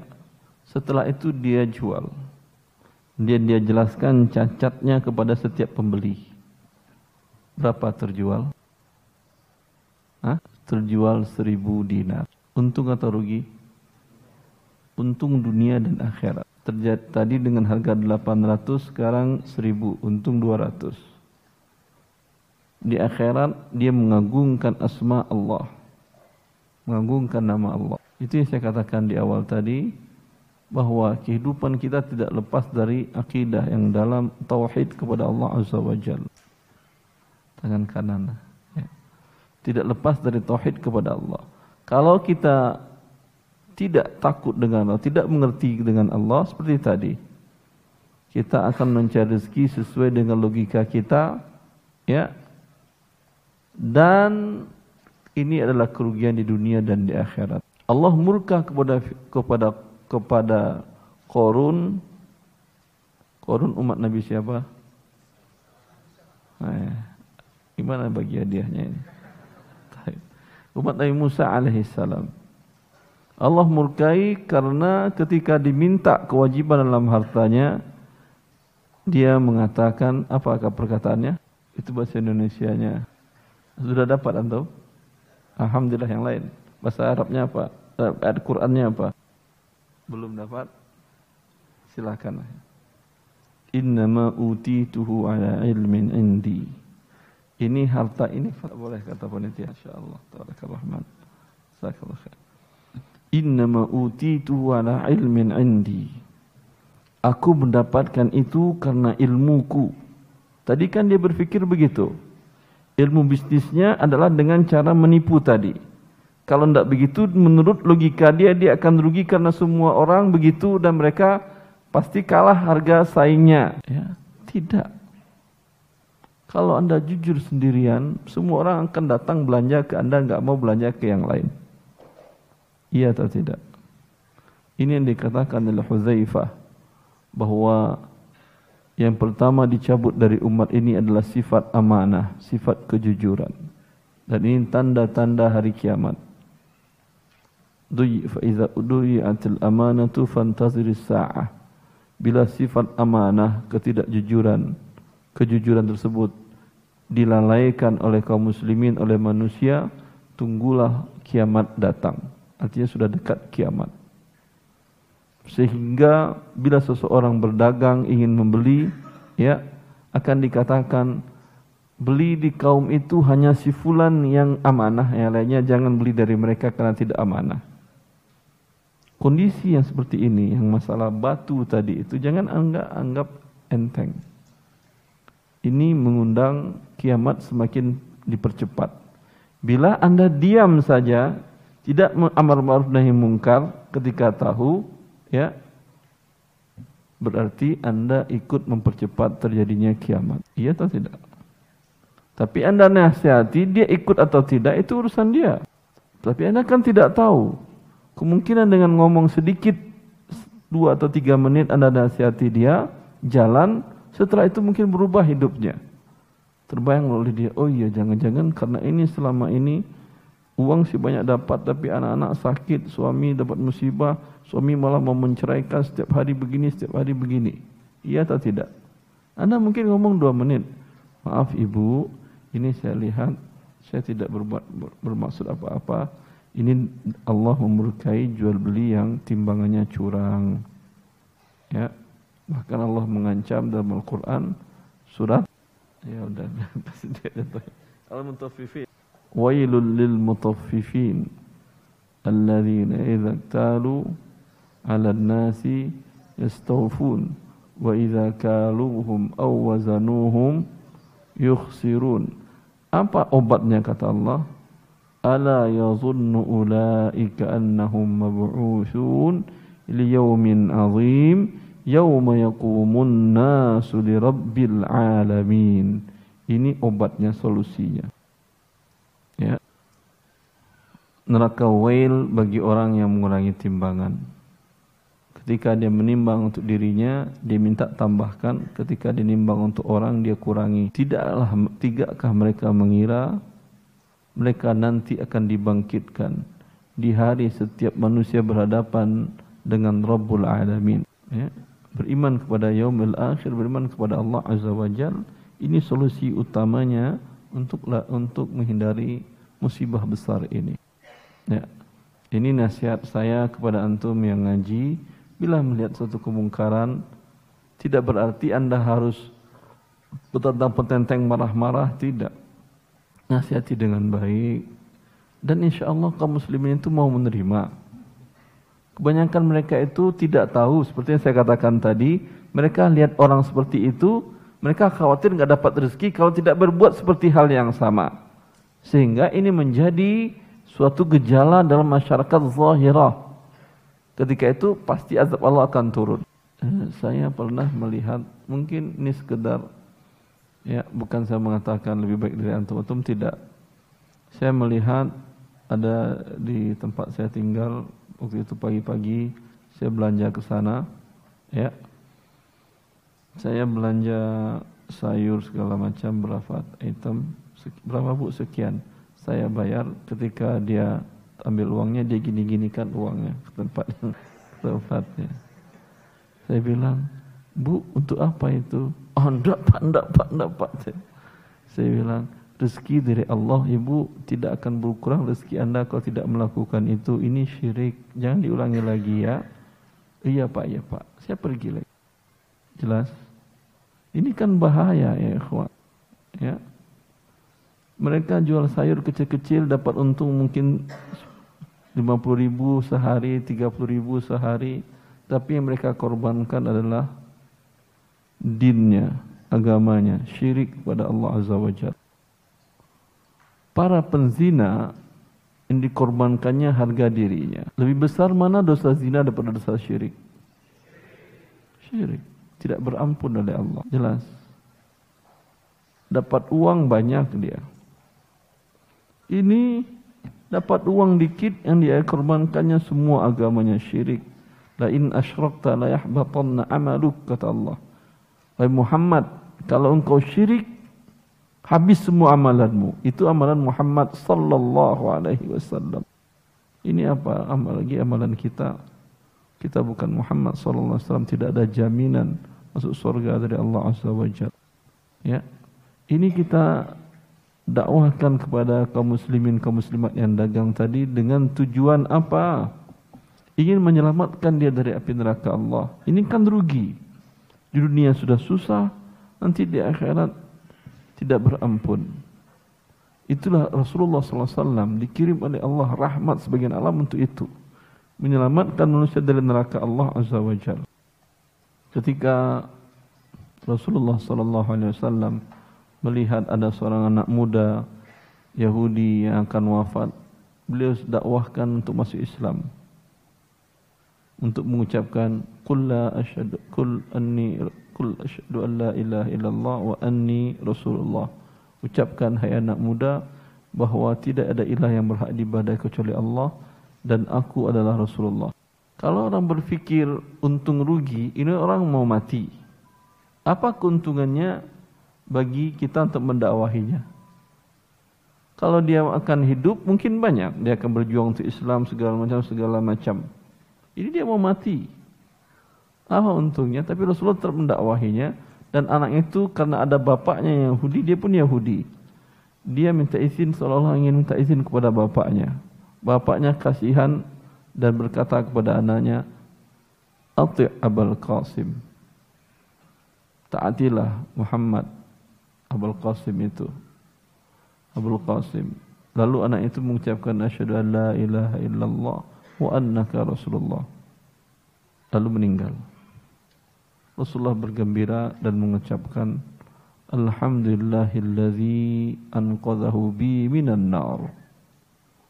Segala puji bagi Allah yang telah menyelamatkan anak ini dari neraka Allah. Itu tujuan kita dalam mendakwahkan agama Allah ini. Ingin menyelamatkan diri kita, orang-orang yang kita cintai dan orang-orang yang kita ketahui untuk selamat dari neraka Allah Azza wa Jalla.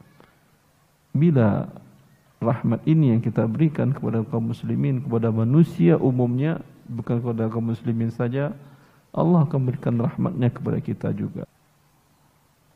Ya.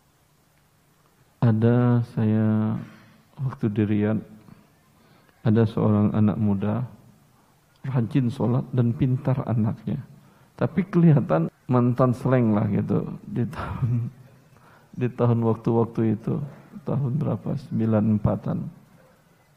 Ya, lalu saya tanya, anda masya Allah ikut uh, ada pendidikan D2 untuk ilmu syar'i waktu itu saya ngajar di sana dan dia kerja di hotel.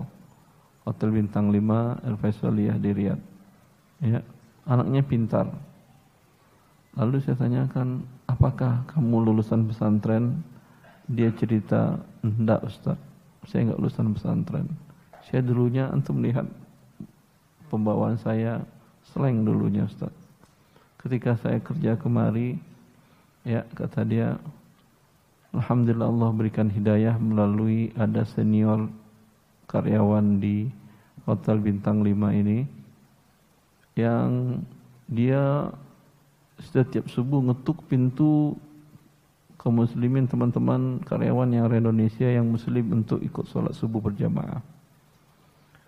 Suatu ketika Ustaz kata dia, saya waktu itu uh, shift malam selesai sekitar jam 3.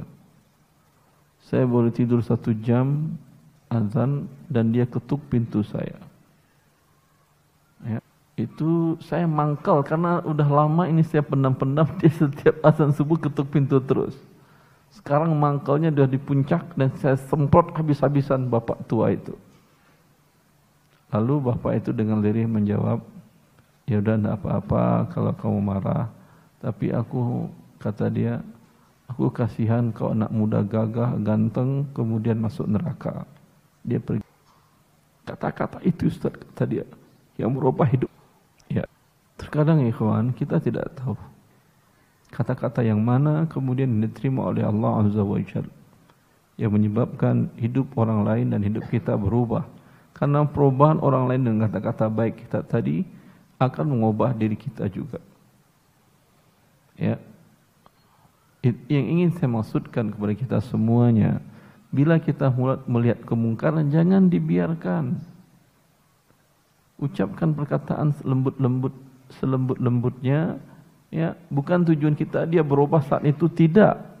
Tujuan kita mendapatkan pahala dari sisi Allah. Si bapak tadi dikata-katai, berat atau tidak bagi jiwanya? Berat. Tapi pahala bagi dia sedikit atau banyak? Banyak karena dengan kata-kata menahan berat tadi kemudian satu orang berubah berguna untuk agama Allah Azza wa Setiap amalan orang itu tadi akan mengalir pahalanya kepada bapak yang mengatakan yang kerjanya setiap pagi ngetuk pintu teman-teman yang tadi. Ya. Jelas? Itu yang saya maksudkan. Bila Anda diam, yang lain diam, kita diam, turun azab Allah lagi setelah itu. Ya. Itu salah satu contoh dalam mengurangi timbangan tadi. Ya, mengurangi takaran dan ukuran. Contoh yang lain yang saya dengar ada salah seorang ikhwan, wani wallah taala alam. Ada salah seorang ikhwan beliau ingin buka pom bensin di dekat perumahan tempat saya tinggal. Tapi kemudian dia mengadakan studi kelayakan, kata dia, anak enggak berani Ustaz. Kenapa enggak berani? Dari beberapa yang punya pom bensin saya tanyakan, saya cek, itu mereka bermain semuanya di takaran. Umumnya mereka bermain di takaran. Dengan uh, apa itu kan pakai tekanan udara. Ditambah tekanan udaranya. Kalau tekanan udara nambah ampere berputar tapi yang keluar dikit. Karena yang menggerakkannya angin bukan bukan bensin. Ya. Karena kata ketika kata dia karena umumnya mereka mengatakan kalau gitu kita nggak untung. Seperti lihat tadi cara berpikirnya kalau nggak begitu kita nggak untung. Karena harga untuk itu sudah ditetapkan oleh pemerintah. Maka ini juga dampak lain dari mengingkari ketentuan Rasulullah sallallahu alaihi wasallam. Dalam Islam menetapkan harga itu dilarang. Rasulullah sallallahu alaihi wasallam ketika terjadi paceklik dan harga makanan pokok tinggi maka kemudian para sahabat yang lain mengatakan ya Rasulullah sa'ir lana. Wahai Rasulullah tetapkanlah harga makanan pokok agar para pedagang tidak seenaknya menjual. Lalu Rasulullah SAW mengatakan inna allaha huwal musa'ir huwal qabidu huwal basit. Fa inni ahibbu an alqa Allah taala wa laysa alayya mazlamatun li ahad. Kata Rasulullah wasallam yang menetapkan harga adalah Allah Dialah Allah yang membentangkan hasil panen jadi banyak dan membuat hasil panen menjadi sedikit. Ha? Ketika hasil panen banyak, Siapa yang diuntungkan? Harga dengan harga tadi siapa yang diuntungkan? Hah? Konsumen. Mana yang bilang konsumen? Fadal. Antar ke Bapak, antar. Konsumen. Karena barang banyak, panen raya, ya. Allah barik fi. Innallahu wal basit. Ketika Allah bukakan panen tadi, konsumen dapat barang harga murah. Karena jumlah banyak. Huwal qabid dan Allah yang menahan ketika terjadi panen sedikit, siapa yang dapat untung diuntungkan dengan kondisi ini? Itu berada pedagang. Kalau petani masih segitu-segitu aja ya. Pedagang. Petani dapat untung tapi tidak sebesar pedagang. Ya. Pedagang yang dapat untung. Ini siapa yang mengatur? Allah. Allah yang membentangkan, Allah yang menahan. Lalu kata Rasulullah, "Fa inni uhibbu saya ingin bertemu dengan Allah di akhirat nanti dan tidak ada kezaliman yang saya buat." Kalau Allah tetapkan harga, maaf, kalau Rasulullah SAW tetapkan harga, berarti rezeki pedagang yang harusnya naik jadi tetap tidak naik. Berarti Rasulullah menzalimi dagang. Begitu juga kalau harga tetap yang harusnya harga murah karena panen raya, harga tetap kan ya? Siapa yang terzolimi? Orang banyak. Maka Rasulullah tidak menginginkan hal tersebut terjadi pada diri beliau. Ya, maka jelas ijma para ulama tidak boleh menetapkan penguasa menetapkan harga. Tetapi kemudian oki para ulama sedunia melihat kenyataan sekarang bila negara tidak mengatur dalam harga beberapa bahan pokok itu dikhawatirkan kezalimannya lebih besar. Dalam hal tersebut, Oki mengatakan dibolehkan dalam kondisi kenegaraan sekarang, tetapi tetap berdampak. Dampaknya apa? Seperti tadi. Ketika para pebisnis di barang-barang yang sudah ditetapkan oleh pemerintah harganya tidak boleh dijual lebih, ya, mereka akan mengurangi timbangan agar mendapatkan keuntungan. Bila kondisinya semuanya melakukan demikian, ya, Berasa nggak ada ini yang khusus yang ini timbangan takaran BBM berasa? Anda tahu nggak di sekitar sini pom bensin mana yang menurut Anda itu jujur? Biasanya beredar isu-isu kan ya, kalau beli di sana itu jujur, itu beli di sana itu jujur. Ya udah, menjadi seperti itu orang dalam berdagang seperti dikatakan oleh Huzaifah. Di suatu kampung tadi hanya itu yang masih jujur. Itu pun Anda juga tidak tahu pasti, tapi beredar isu seperti itu. Berita-berita seperti itu. Ini dampak dari hal tersebut. Berarti hampir semuanya memainkan timbangan. Maka bagaimana mungkin negeri tadi akan ber, bisa berjalan baik kalau mereka sudah mengundang azab Allah. Ya, Tadi umat Madian hanya itu yang mereka lakukan, Allah berikan azab yang luar biasa. Kaum muslimin sekarang, timbangan mereka mainkan, riba mereka lakukan, ya, dan dosa-dosa besar dalam perniagaan mereka lakukan jauh dari Allah Azza wa Jal. Maka jangan heran setiap hari berbagai azab yang turun dengan rupa-rupa yang mungkin belum ada pada umat terdahulu. Cukup. Ya Allah barik Maka untuk selamat dari hal ini hanya satu. Pelajari syariat Allah dengan baik dalam masalah mencari harta tadi dan amalkan. Bila Anda mungkin akan mengatakan, kalau kita saja mengamalkan, negara tidak mengamalkan Ustaz. Apakah ada artinya Ustaz? Pasti ada artinya. Yang memilih pemimpin negara itu Anda atau mereka muncul dari dalam bumi sendiri lompat tolong saya jadi jadi presiden Indonesia ya. Anda yang memilih, iya atau tidak? Kalau Anda 90% kaum muslimin Indonesia tahu mana yang halal mana yang haram. Mau nggak dia milih pemimpin atau wakil-wakil yang tidak mengerti syariat Allah? Mau enggak? Tentu tidak.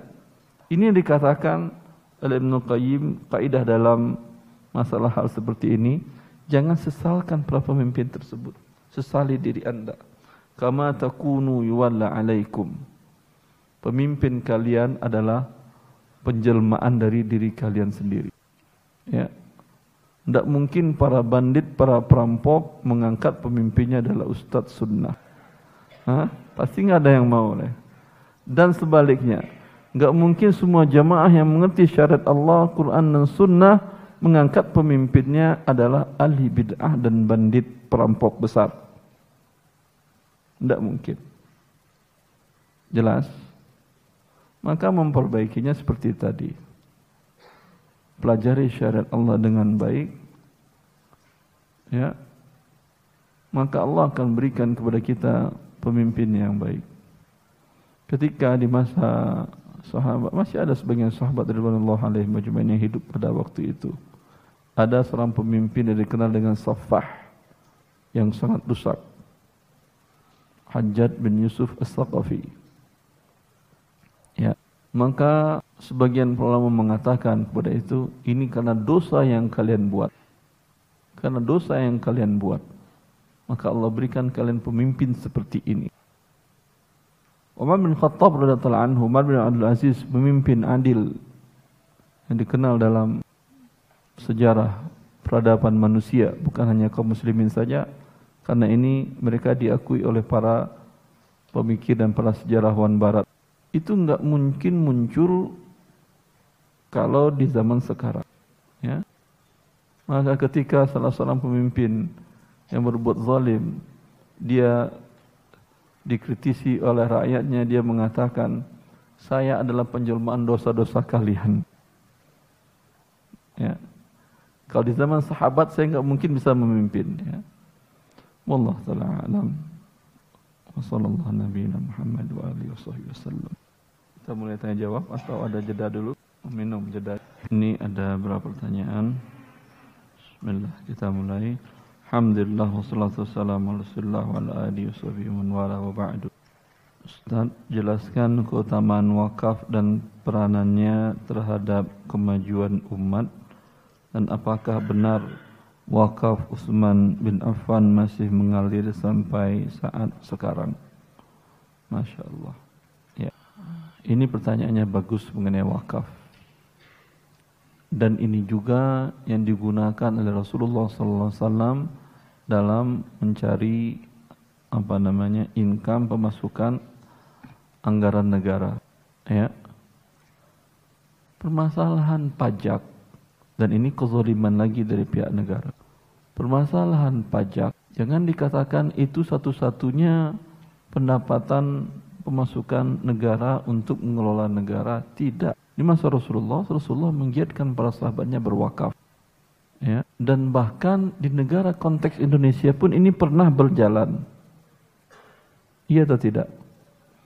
pesawat pertama yang dibeli oleh Indonesia itu dari uang apa? Sedekah kaum muslimin kan ya? Dari mana? Aceh. Semua sejarah mencatat itu. Ketika negara butuh sesuatu, bisa minta kepada kaum muslimin. Dan kaum muslimin berlomba-lomba dalam hal tersebut. Ya, jadi tidak semata-mata pajak, pajak, pajak. Yang jelas pajak itu diharamkan dalam semua agama samawi agama Yahudi dan Nasrani apalagi Islam. Oleh karena itu jangan heran Anda kalau ada beberapa negara kafir di dunia sekarang konsep konsep negara modern yang mereka tidak mengut pajak dari warga negaranya. Enggak percaya coba googling. Negara tanpa pajak akan keluar di sana ada Bahama, ada Monaco. Monaco kan kebalikan Indonesia. Indonesia merah putih dia putih merah. Ya kebalikan. Indonesia ada pajak dia enggak ada pajak dan berjalan negaranya, negara maju di Eropa. Ya, ini berarti memang semua agama mengharamkannya. Kalau enggak dari mana mereka dapat konsep negara tanpa pajak? Karena semua negara sekarang menerapkan sistem perpajakan. Ya. Ketika Rasulullah SAW membutuhkan biaya untuk perang, ini kan anggaran negara ya, butuh alutsista. Alutsistanya apa waktu itu? pedang, kuda, ha, unta, ya. Apa yang beliau lakukan? Ya, bukan pinjam ke IMF bukan atau World Bank bukan, bukan dengan cara riba. Karena bila itu dilakukan, sebelum Anda berperang, azab Allah sudah turun duluan. Sebelum Anda berperang melawan musuh-musuh yang mungkin datang, mungkin juga tidak, tapi Anda akan berperang melawan Allah pertama. Bukankah Allah telah mengatakan, فَإِنْ لَمْ تَفْعَلُوا فَأْذَنُوا بِحَرْبٍ مِّنَ اللَّهِ وَرَسُولِهِ Jika kalian tidak berhenti dari berbuat riba, berarti kalian mengumumkan perang melawan Allah dan Rasulnya. Melawan Allah, perang melawan Allah jauh lebih berat daripada melawan Amerika, Rusia, Soviet, dan negara-negara lainnya yang menurut anda memiliki alutsista yang luar biasa sekarang. Karena tahukah anda besarnya Allah yang kita katakan dalam setiap waktu kita Allahu Akbar, Allah Maha Besar. Allah mengatakan dalam Al-Quran, وَمَا قَدَرَ اللَّهَ حَقَّ قَدْرِهِ وَالْأَرْضُ جَمِيعًا قَبْضَتُهُ يَوْمَ الْقِيَامَةِ وَالسَّمَاوَاتِ مَطْوِيَّةٌ بِيَمِينِهِ Orang yang mensyirikatkan Allah, yang menyamakan Allah dengan lainnya, mereka tidak menghargai Allah di hari kiamat nanti bumi ini dengan seluruh isinya ini yang di atasnya ada miliaran manusia, ada pepohonan, ada gunung, ada sungai, ada laut, ada bebatuan. Qabdatuhu dalam bahasa Arab qabdah itu ini. Kalau dalam katakan qabdatuhu andai ini bumi, qabdatuhu saya katakan ini tisu dalam qabdah saya. Hah. Jelas. Begitu besarnya Allah Azza wa Jal sehingga kita katakan Allahu Akbar. Qabdatuhu. Sehingga ada sebagian orang yang mengatakan ketika dalam akidah al-sunnah bahwa Allah fis sama arash di atas. Lalu dia mengatakan bumi kan bulat mas. Hah? Bumi kan bulat mas. Kalau anda di atas, ya anda bilang ke atas. Kalau anda ke bawah, berarti Allah di bawah. Anda pikiran anda cetek. Anda anggap Allah itu kecil. Kalau seperti ini, ke mana pun anda mengarah, anda kan ini berarti di atas ini, di atas ini, di atas ini, di atas ini kan ya. Mengarah ke Allah atau tidak? Berarti anda nggak ngerti siapa Allah Azza wa yang anda ibadahi setiap saat. Ya. Allah mengatakan, para pelaku riba berarti ingin perang lawan Allah. Alutsista apa yang anda pakai? Bisa unta dan pedang tadi? Tidak. Nuklir cukup? Tidak. Nuklir anda bisa menghancurkan bumi ini? Nuklir anda bisa menghancurkan bumi ini seluruhnya jadi kepeng-keping? Kalau kepeng-keping anda juga mati sudah. Ini dalam qabdah Allah semuanya. Dan ini kesepakatan ahlus, ahlu kitab, semua ahli kitab mengatakan begitu.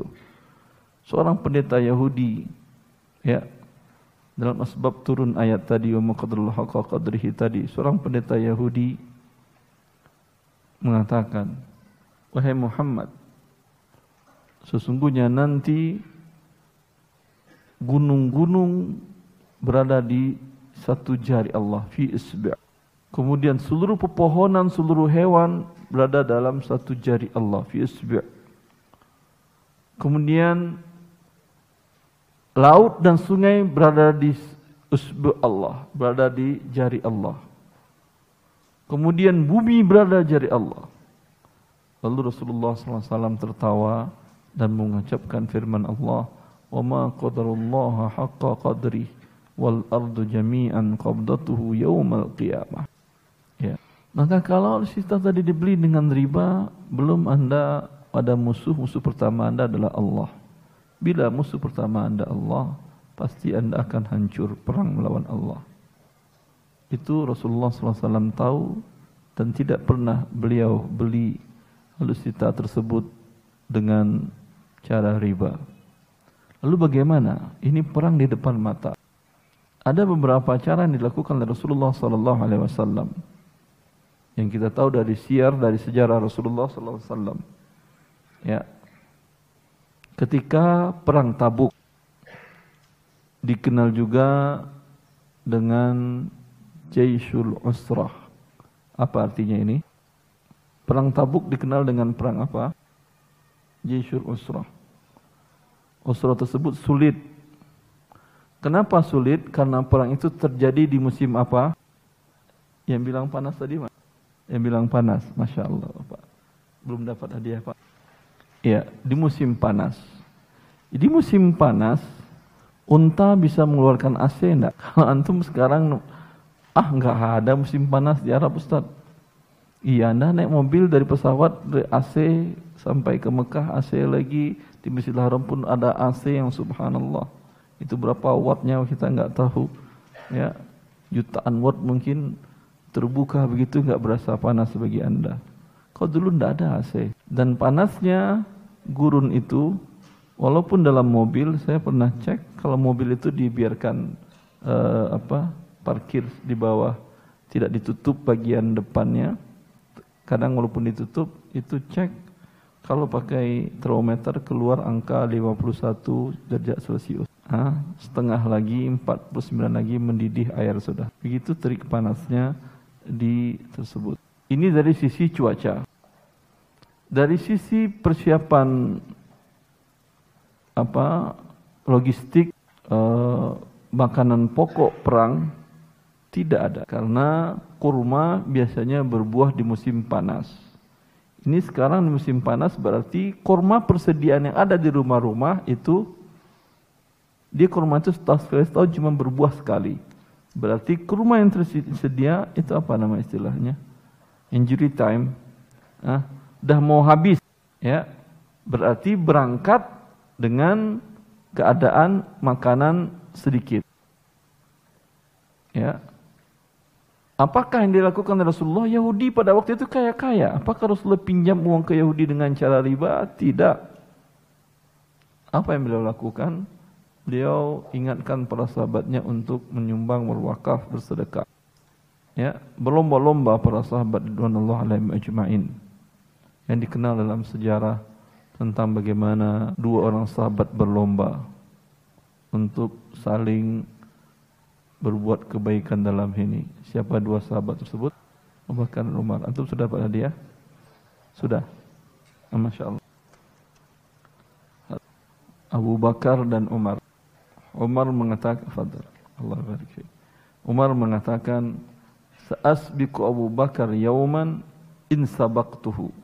Hari ini Rasulullah mengumumkan para sahabat untuk memberikan harta terbaiknya.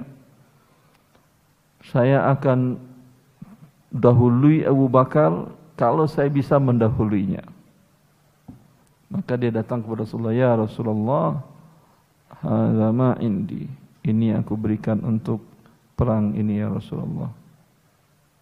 Ya.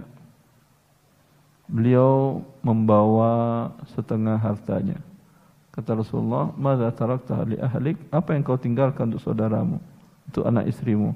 Nisfahu ya Rasulullah. Saya tinggalkan untuk mereka setengahnya. Ini kalau asetnya satu miliar berarti 500 juta yang dibawa. Kalau asetnya 2 miliar berarti satu miliar yang dia bawa. Ada kita yang siap seperti ini? Hah?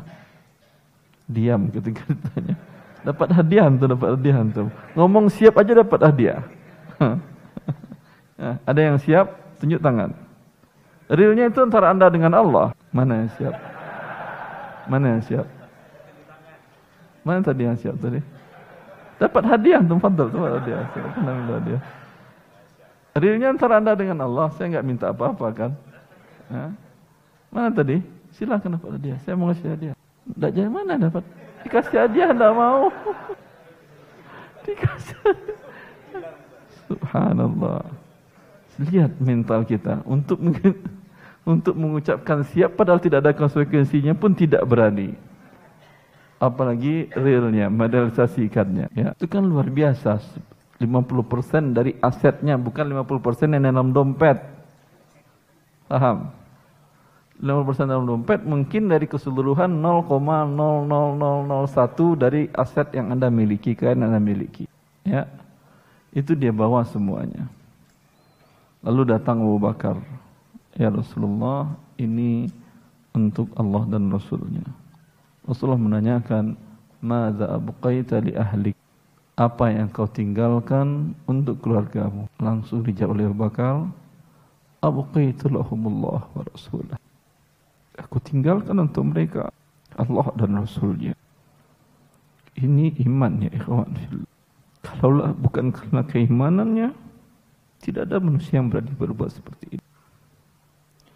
Sampai bapak beliau, Kuhafah, ketika mengetahui Abu Bakar akan menyumbangkan hartanya untuk perang tabuk tersebut, dia menanyakan kepada istri Abu Bakar, Apakah dia meninggalkan untuk kalian istrinya seorang yang soleha? Bapak Kuafa ini matanya sudah rabun, maka dia mengambilkan batu-batu dan dia bilang kerincing bunyi, ini yang ditinggalkan Abu Bakar masih ada. Didukung dengan istri dan keluarga yang soleh. Maka Rasulullah mengatakan bahwa iman Abu Bakar bila ditimbang dengan iman umat ini larajahat iman Abu Bakr Imam Abu Bakar lebih kuat. Mungkin kalau dijelmakan kekayaan beliau dengan rupiah pada hari ini, banyak di antara kita yang kekayaannya lebih besar daripada Abu Bakar.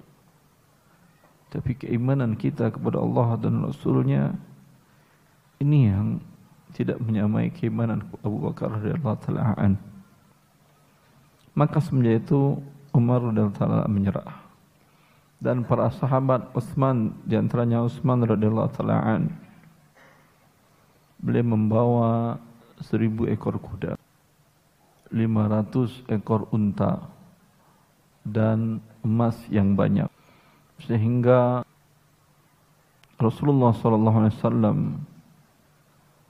mengatakan menjahaza jaishal usrati falahul jannah siapa yang menyiapkan yang memberikan kekayaannya untuk persiapan perang Usrah ini, perang Tabuk ini baginya surga.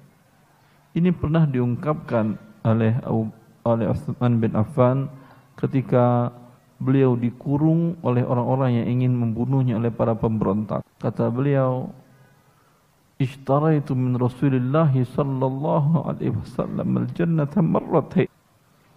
Aku telah beli surga dari Rasulullah dua kali.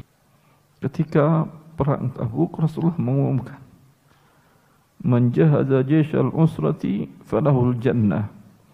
Siapa yang memberikan persiapan peperangan bagi perang Tabuk maka untuknya adalah surga. Dan aku berikan seribu ekor kuda, lima ratus ekor unta dan emas yang banyak. Begini iman merubah sifat seorang manusia yang kikir yang Allah katakan wa kana al-insanu qatura manusia Allah ciptakan memang memiliki sifat yang kikir. Tetapi keimanan telah merubah sebagian manusia antara dia dengan harta. Tidak ada hubungan nasab dan kekerabatan. Gampang dia korbankan bila diminta oleh Allah dan Rasulnya. Ya. Maka ini keutamaan wakaf ya ikhwani wa. Anda mungkin sudah berkalang tanah. Tetapi harta yang Anda wakafkan tersebut bermanfaat bagi kaum muslimin. Dan wakaf tersebut pernah membiayai negara. Di masa-masa seperti yang saya katakan mulai dari masa Rasulullah sallallahu alaihi wasallam sampai sekarang.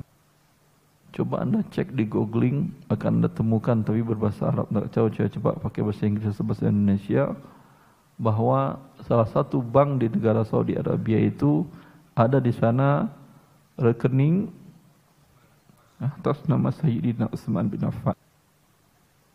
Ceritanya panjang, bermula dari ketika hijrah ke Madinah dan di waktu hijrah tersebut di Madinah sumber air dikuasai oleh Yahudi.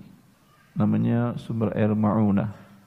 Beda riwayat, sebagian ada mengatakan Yahudi, sebagian punya orang, semuanya orang dari kabilah yang lain.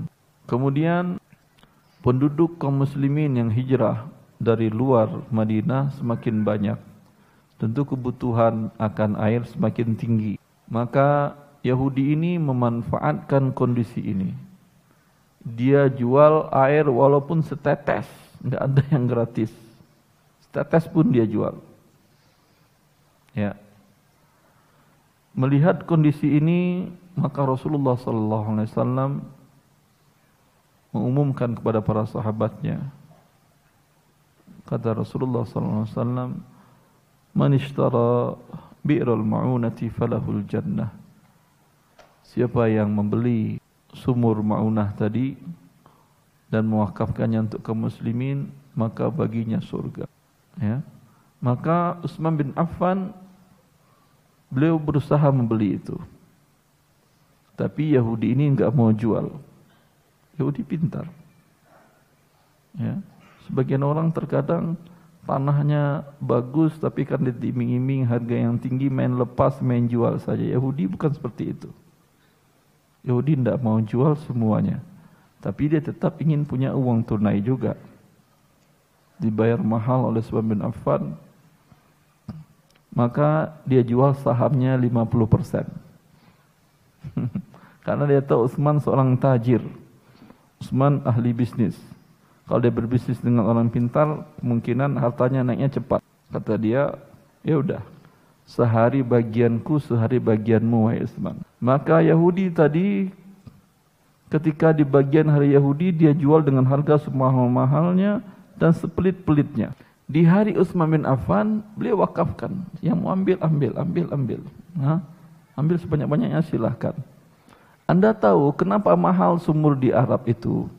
Untuk mendapatkan air sumur itu Anda harus menggali tidak kurang 100 meter kedalamannya. Dan dulu tidak ada teknologi tembak pakai memboran dengan artesis tidak ada. gali ya gali pakai cangkul, pakai apa. Berarti permukaan atas kalau 100 meter itu berapa lebarnya? Gak kurang satu 100 meter juga atasnya. Karena kalau 3 meter seperti Indonesia, baru 10 meter udah mati dia. Hah? Luas berarti tanahnya memang luas. Luas sumber-sumber itu di atasnya. Karena itu dia mahal harganya. Makan tanah yang besar dan penggaliannya nggak gampang. Ya, ketika giliran Utsman dia wakafkan. Apa yang terjadi? Pada giliran Yahudi esoknya ada yang belanja lagi. Enggak ada orang belanja. Heran ya, kenapa giliran saya enggak ada yang belanja? Dia cari tahu ternyata Utsman mewakafkan sahamnya dia untuk kaum muslimin. Lalu kata dia, ya udah kau beli aja saham saya sisanya. Dibeli oleh Utsman kemudiannya dan diwakafkan oleh Utsman bin Affan radhiyallahu anhu bagi kaum muslimin biru Mu'anah tersebut. Dan selama Uthman hidup itu masih menjadi sumur. Di masa pemerintahan uh, Bani Umayyah, Bani Umayyah itu masih keluarga besar kabilah Utsman bin Affan. Itu sumur masih wakaf dan dikembangkan oleh mereka dengan menanam kurma di sekitar perkebunan tersebut diairi dengan air tersebut. Sampai sekarang kurma itu masih berbuah dan dikembangkan terus di masa Turki Utsmani juga makin dikembangkan makin dikembangkan.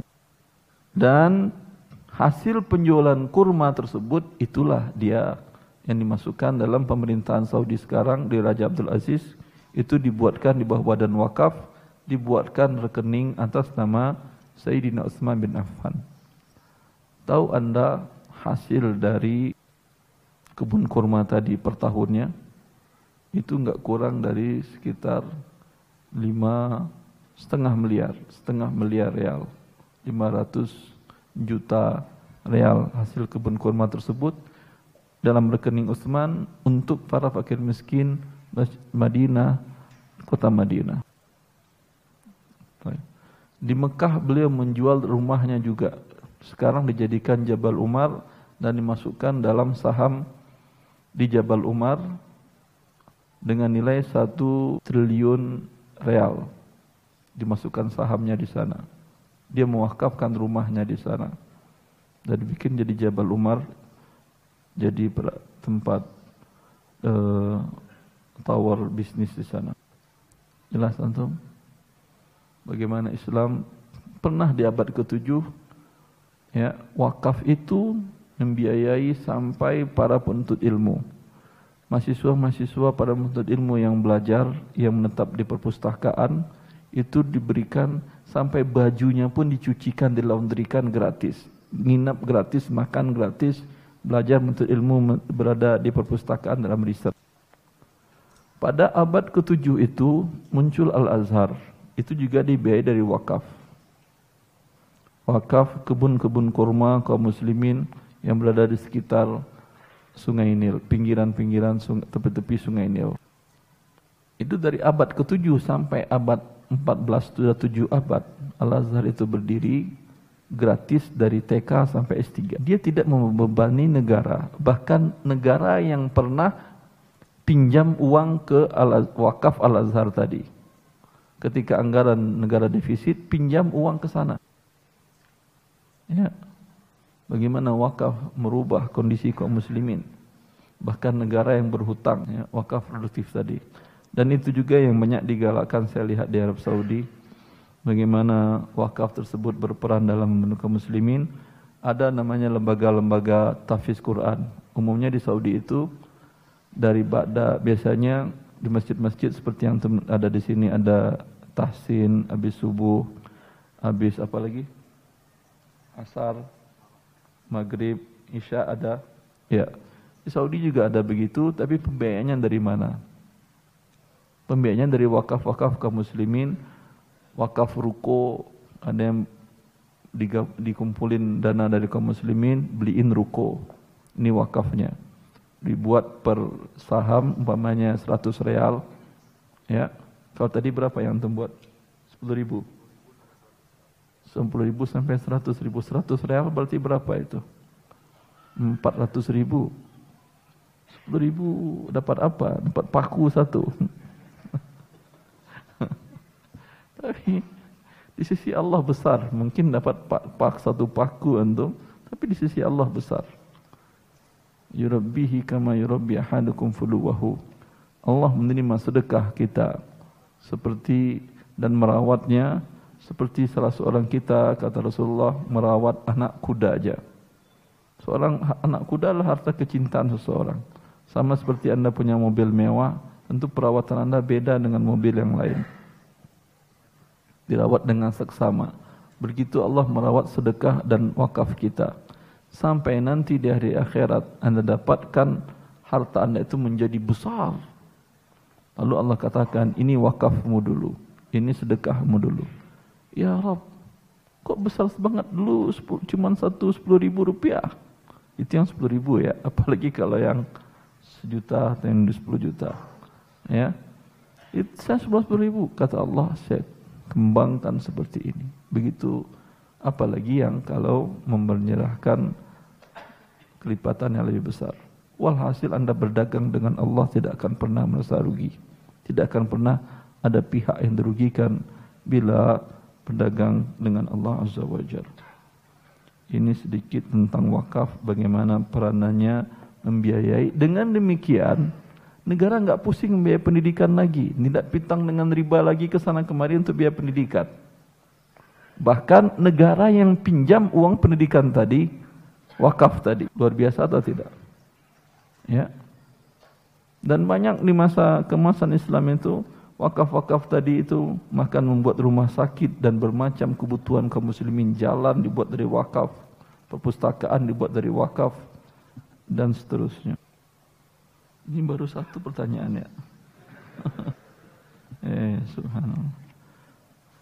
Pertanyaan kedua Assalamualaikum Afwan Ustaz. Saya seorang PNS yang salah satu tugas saya menilai konsep pedoman tata batas areal kerja izin pertambangan di mana membuat pedoman adalah kewajiban perusahaan. Apakah boleh saya menerima pemberian uang dari perusahaan setelah selesai pekerjaan karena terkadang bekerja di luar jam kantor? Baik. Anda biasanya lembur itu gaji dari pihak instansi atau pihak luar. Iya kan ya? Logikanya kan begitu. Kalau ini alasannya lembur tapi minta uangnya kepada klien. Ini uang lembur atau uang rasuah? Uang rasuah kan? Ya. Kalau lebih 500 ribu urusan anda bukan dengan saya lagi dengan KPK udah. Ya. Walaupun di bawah 500 ribu Allah tetap mengharamkannya. Ar-rashi wal murtashi finnar pemberi riswah dan penerima riswah dalam neraka walaupun sekecil apa pun juga. Ya. Maka kalau anda merasa terzalimi minta ke instansi anda. Pak saya ada lembur. Kalau enggak dikasih ya minta ke Allah. Apakah boleh saya bertindak sebagai konsultan yang membuatkan konsep pedoman di luar jam kantor dan tanpa menggunakan fasilitas kantor boleh tapi resign dulu dari instansi ini. Buka setelah itu PT konsultan apa namanya ini pedoman pembuatan uh, kerja di bidang tambang. Boleh tapi resign. Ya. Kalau resign terputus gaji anda. Gaji mungkin terputus rezeki terputus. Tidak. Orang berpikirkan begitu. Kalau resign berarti saya nanti makan apa Ustadz Ya makan nasi lah. Semua orang juga enggak bukan PNS, bukan apa-apa, makannya juga nasi. Enggak ada yang makan batu. Ya. Rezeki Allah yang memberikan. Ya. Tapi kalau Anda memangnya khawatir begitu begini segala macam, ya udah. Cukupkan dengan rezeki yang ada dari instansi tadi. Kurang Ustaz. Kalau kurang minta ke Allah. Allah berikan dengan jalan yang baik dan yang halal. Ustaz Ana mau bertanya bagaimana aktivitas Rasulullah SAW dalam mencari menjemput rezeki setelah beliau menjadi Nabi di usia 40 tahun. apakah masih berdagang atau aktivitas lain? Syukran wa jazakallahu khair ya Ustaz. Rasulullah sallallahu alaihi wasallam setelah beliau menjadi nabi, beliau enggak ada aktivitas dagang lagi. Aktivitasnya menyampaikan syariat Allah. Ya. Dari mana rezekinya? Dari Allah Azza wa Jalla. Istrinya kan kaya raya. Kemudian setelah harta istrinya habis, setelah ada peperangan, rezeki beliau dari harta rampasan perang. Ha? Waju'ila rizki tahta suyuf. Rezeki Rasulullah ada di bawah kilatan pedang. Ya. Dan karena itu juga Rasulullah SAW ketika perang Tabuk tadi itu yang beliau ingatkan kepada para sahabat untuk mendorong motivasi mereka ya. Ta'alu nuqatilu banatil asfar. Ketika perang yang ikut perang itu dapat rampasan perang. Rampasan perang bisa harta bisa hewan bisa emas dan perak bisa juga orang-orang manusia manusia tawanan perang yang kalah perang tadi kalau mereka bawa perempuan-perempuan anak istri mereka ke dalam peperangan itu rampasan perang. Jadi budak. Ya. Islam membolehkan perbudakan Ustaz. Islam bukan membolehkan perbudakan, tapi perbudakan itu sudah ada dan Islam hanya melanjutkan saja. Tapi kemudian menguranginya dengan cara banyak dosa-dosa yang ditebus dosa tersebut dengan memerdekakan budak. Setelah dia menjadi Islam, Muslim. Paham? Berarti Islam tidak menghargai hak asasi manusia, Ustaz. Islam sangat menghargai hak asasi manusia. Andai orang kafir tadi yang tidak menjadi tawanan, hidup di negara kafir, mungkin dia masuk Islam atau tidak? Hah? Tidak mungkin lah. Kalau dia masuk Islam, dia akan dibunuh oleh saudara-saudaranya. Agama musuh. Iya atau tidak? dia hidup dengan nyaman dan tenang dan tentram. Tapi akhir kehidupannya nanti dia masuk ke mana? Pasti neraka. Anda yakin? Baik. Yang ditawan menjadi budak, menjadi budak negeri Islam, bisa diperjualbelikan sebagai harta. Ya. Walaupun hilang haknya sebagai manusia ketika itu, kalau dia masuk Islam, tetap juga jadi budak. Tetapi dia mendapatkan prioritas utama untuk dimerdekakan.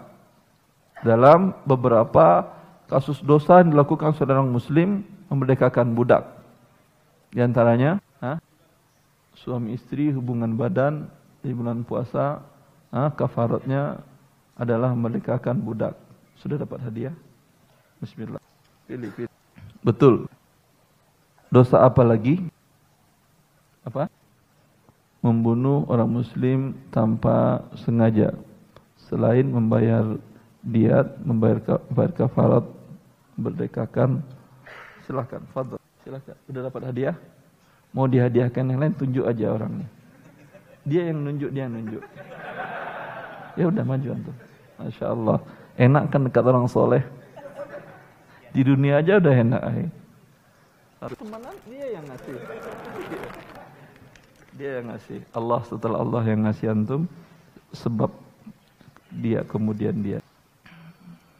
Jelas? Apa lagi yang ada kafaratnya merdekakan budak? Tidak ada? Apa? Meninggalkan puasa. Tadi sudah dijawab.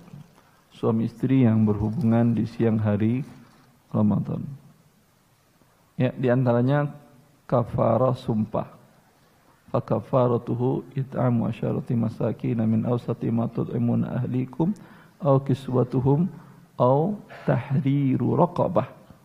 Merdekakan budak. Apalagi yang lain? Siapa yang tahu apa itu zihar? Zihar apa? Ya udah tunjuk lagi siapa yang mau anda kasih. Fadal, maju dikasih hadiah sama orang soleh ya dengan demikian, ketika dia dimerdekakan, andai dia tidak dimerdekakan pun, memungkinkan dia untuk jadi Islam atau tidak? Sangat memungkinkan. Dia lihat kehidupan yang berbeda, rumah tangga yang berbeda. Ya. antara di negerinya di negeri kafir dengan di negeri muslim. Tersentuh hatinya dengan keislaman. Banyak kaum muslimin, banyak orang-orang kafir seperti ini ya ikhwan. Ya, saya ada teman-teman yang bekerja di dealer mobil Toyota terbesar di Saudi Arabia itu punya muslim Abdul Latif Jamil. Di sana ada karyawan mekanik-mekaniknya yang dari negeri muslim dari Indonesia ada negeri-negara kafir dari Filipina, ada dari agamanya Kristen, dari India, agamanya Hindu, Buddha, dan lain-lain. Dan kebijakan perusahaan gaji sama. Sekitar mekanik itu sekitar 2.500 real. Tapi yang diterima muslim terkadang sampai 4.000 real atau lebih. Kenapa? Sisanya adalah zakat perusahaan. Ya, zakat perusahaan. Yang muslim dapat. Kenapa? Karena di sana UMR untuk hidup layak itu sekitar 4.500 real. Maka sisanya ditutupi, dianggap dia miskin, dapat dia zakat. Kenapa gajinya nggak UMR? Itu UMR untuk orang Saudi. Kalau mereka itu standar gaji per negara. Negara yang mata uangnya tinggi, gajinya lebih tinggi dari negara yang mata uangnya kondisi ekonominya lebih rendah. Karena menurutnya gaji 2.500 di Indonesia sudah sangat tinggi.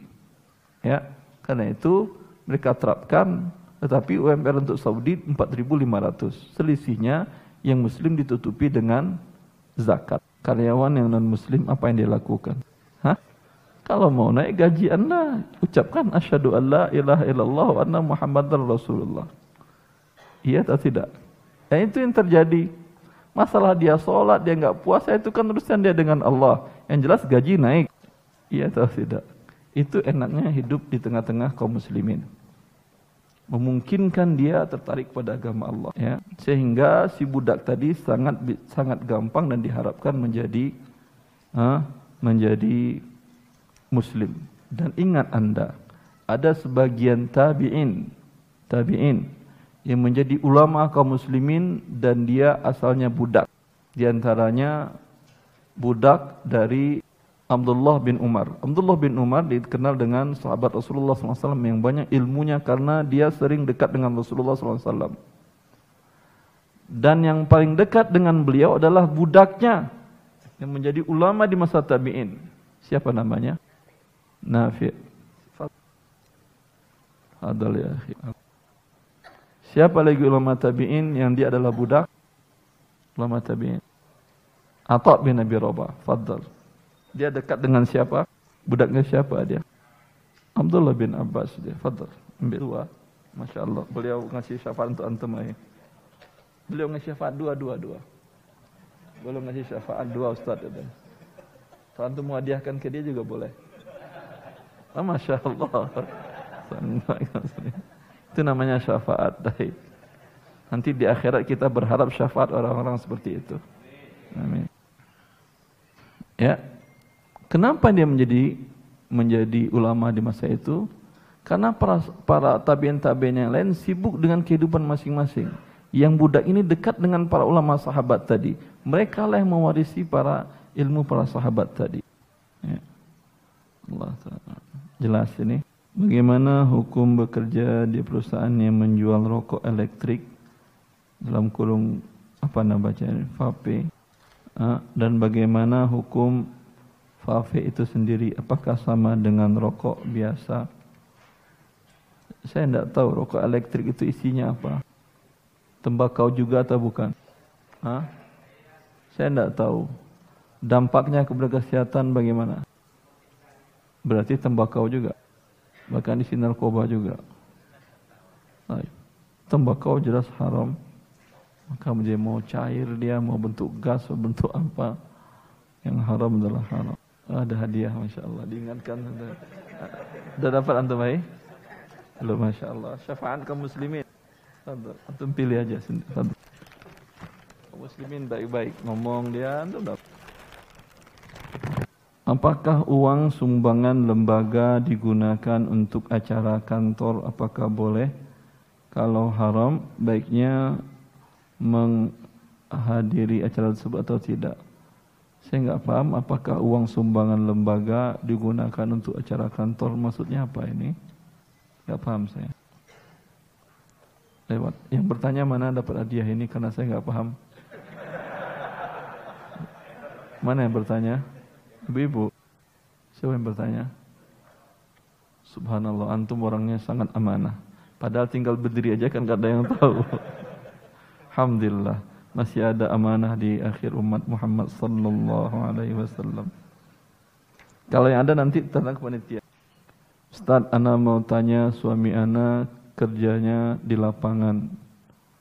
Apa ini? Kemudian uh, di lapangan jadwal kerjanya dari jam 7.30 sampai 4.30 karena pekerjaan sudah selesai sebelum eh, sepertinya tadi ibu-ibu ini sebelum waktu yang ditentukan suami suka langsung pulang ke rumah. Itu bagaimana ya Ustaz? Ya. Anda sebagai istri wajib menasihati suami dalam hal ini. Ya. Ucapkanlah kata yang baik, mungkin mas atau abi atau apa namanya. Anda katakan kepada dia, ya, aku cinta denganmu. Ingin selalu bersamamu. Ingin kau selalu di rumah. Tapi bukan untuk maksiat kepada Allah. Sekarang kau di rumah sebelum jam pulang sudah di rumah berarti yang kau bawa adalah gaji yang merupakan neraka Allah. Selisih antara jam yang tidak di kantormu. Ya. Karena kalau orang Sunda usir marah dia. Ini rumah rumahku, kenapa kau usir-usir aku di sini? Kau suruh masih kantor aja kan belum jamnya. Ini kan dia ini rumah rumahku, ngapa kau usir-usir? Apa kau tidak sayang lagi kepadaku? Hah? Ya, Anda katakan karena sayangku kepadamu lah Aku suruh engkau ke kantor agar aku dan anak-anakmu dan dirimu tidak dimurkai Allah dan agar yang kita makan santap bersama dari rezekimu, dari gajimu adalah makanan bukan neraka Allah. Ya. Para wanita salaf dikatakan oleh Ibnu Khalikan mereka selalu membisikkan kepada suaminya. Fa ya zauj fa inna nasbiru ala jaw wala nasbiru ala azabillah wahai suamiku engkau pulang ke rumah tidak bawa uang tidak bawa hasil apa pun makanan hari ini aku dan anak-anakmu masih bisa bertahan sehari dua hari menahan lapar tidak makan tidak minum tapi kalau engkau pulang membawa harta hasil dari yang haram aku dan anakmu tidak ada yang kuat menahan api neraka Allah. Ini yang selalu mereka bisikan kepada suami-suami mereka. Sehingga bisikan ini yang menyebabkan para aparat negara, para pedagang, para penjual jasa, para pembeli, semuanya takut kepada Allah. Karena selalu ketika akan berbuat maksiat, ya, terngiang nasihat istri dan anak-anaknya terbayang oleh dia wajah istri dan anaknya makan neraka. Ha? Coba anda bayangkan ketika yang dimakan oleh istri anda bukanlah nasi, anak anda yang disuapnya bukan susu, diminumnya bukan susu, bukan kue, tetapi neraka yang masuk ke mulutnya. Yang anda tahu bahwa setitik bunga api neraka diinjak, keinjak atau kena badan, otak mendidih, benda padat mendidih dengan jarak panjang satu meter lebih. Tidak ada api dunia yang bisa sampai seperti itu. Bagaimana caranya agar transaksi jual beli emas atau logam mulia melalui kurir agar tidak terkena riba nasiah? Saya pernah membaca buku Ustaz bahwa ketika emas sampai akadnya dapat diulang kembali agar berlangsung tunai. Bagaimana maksud dari pernyataan tersebut? Maksudnya ini, kalau Anda umpamanya khawatir risiko membawa emas dalam jumlah yang besar, umpamanya setengah kilo, satu kilo, dua kilo, risiko tinggi, Anda telepon si penjual tadi. kemudian Anda transfer dan berakad, ini akadnya kan batal ya. Tapi kemudian setelah sampai di rumah, Anda pegang emasnya, Anda simpan, lalu Anda katakan kepada telepon lagi si penjual tadi. Yang kurir Anda nggak bisa berakad dengan dia karena dia kurir, bukan si penjual. Kalau dia penjual bisa, tapi dia kurir. Ya, Anda telepon lagi ke dia, Anda katakan, Pak, itu akadnya batal karena tidak tunai. Karena saya kirim uang, kemudian emasnya kan nggak pada saat itu saya terima. Ya. Tapi sekarang emas sudah di tangan saya. Uang yang saya kirim itu hutang saya kepada Anda, saya konversikan jadi harga barang. Sekarang setuju dengan harga segitu? Setuju. Ya. Udah halal menjadinya tunai namanya wallahu a'lam. Ustaz merokok haram, menjual rokok haram, bekerja di pabrik rokok haram. Bagaimana dengan petani tembakau? Apakah haram juga? Kita tidak tahu tembakau digunakan untuk rokok atau kosmetik atau kesehatan. Abu Hafs. Ini penemuan baru, rokok untuk kesehatan. Ada tembakau, maaf, tembakau untuk kesehatan. Ada tembakau untuk kesehatan. Setahu saya, saya membaca bereferensi, rokok itu selain kegunaannya untuk maaf tembakau itu kegunaannya selain untuk rokok tidak ada kegunaan lain kecuali sebagai pestisida organik. Ya. Pengganti pestisida dan kimia pembunuh hama ya itu kan pakai pestisida kimia. Itu biasanya merusak kepada tanaman berdampak kepada buah yang berdampak kepada manusia juga kesehatan manusia. Maka ada usaha membuat pestisida organik dibuat dari tembakau. Ya, pembunuh hama. Jadi si perokok itu sama dengan hama. Dibunuh dia dengan pestisida organik. Ya. Tapi penggunaan tembakau untuk ini itu biayanya mahal. Karena kalah bersaing pasti harganya harus bersaing dengan antara si produsen si pabrik rokok dengan uh, produk pestisida organik. Iya atau tidak? Sedangkan perusahaan rokok berani harga mahal. Kalau pabrik pestisida organik tadi beli dengan harga mahal, mereka nggak bisa jual ke pasar kalah dengan pestisida kimia. Ya, paling yang digunakan tidak sampai 0,000 sekian per sejuta mungkin yang untuk pestisida organik tadi. Yang umumnya dia digunakan untuk rokok. Maka tidak bisa dikatakan halal. Karena hukum itu untuk lil ghaibi la lin nadir Hukum adalah untuk yang umum digunakan bukan untuk yang jarang digunakan. Ustaz, yang semoga dirahmati Allah. Amin. Apa hukum menggunakan uang virtual seperti dana? Di situ kita mendapat keuntungan seperti voucher dan cashback. Wallah taala alam.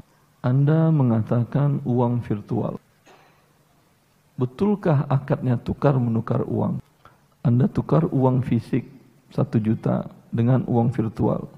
Mau Anda tukar uang Anda dengan dengan itu berbentuknya apa? Uang virtual tadi berbentuk angka atau kode? Hah? Ada yang pakai chips. Kalau pakai chips berarti masuk uang Anda ke situ. Ya. Ada yang berbentuk password. Ya. Ini yang disebutkan tadi berbentuk yang mana? Dia enggak pakai chips, enggak kan ya? Tidak pakai kartu dia kan ya?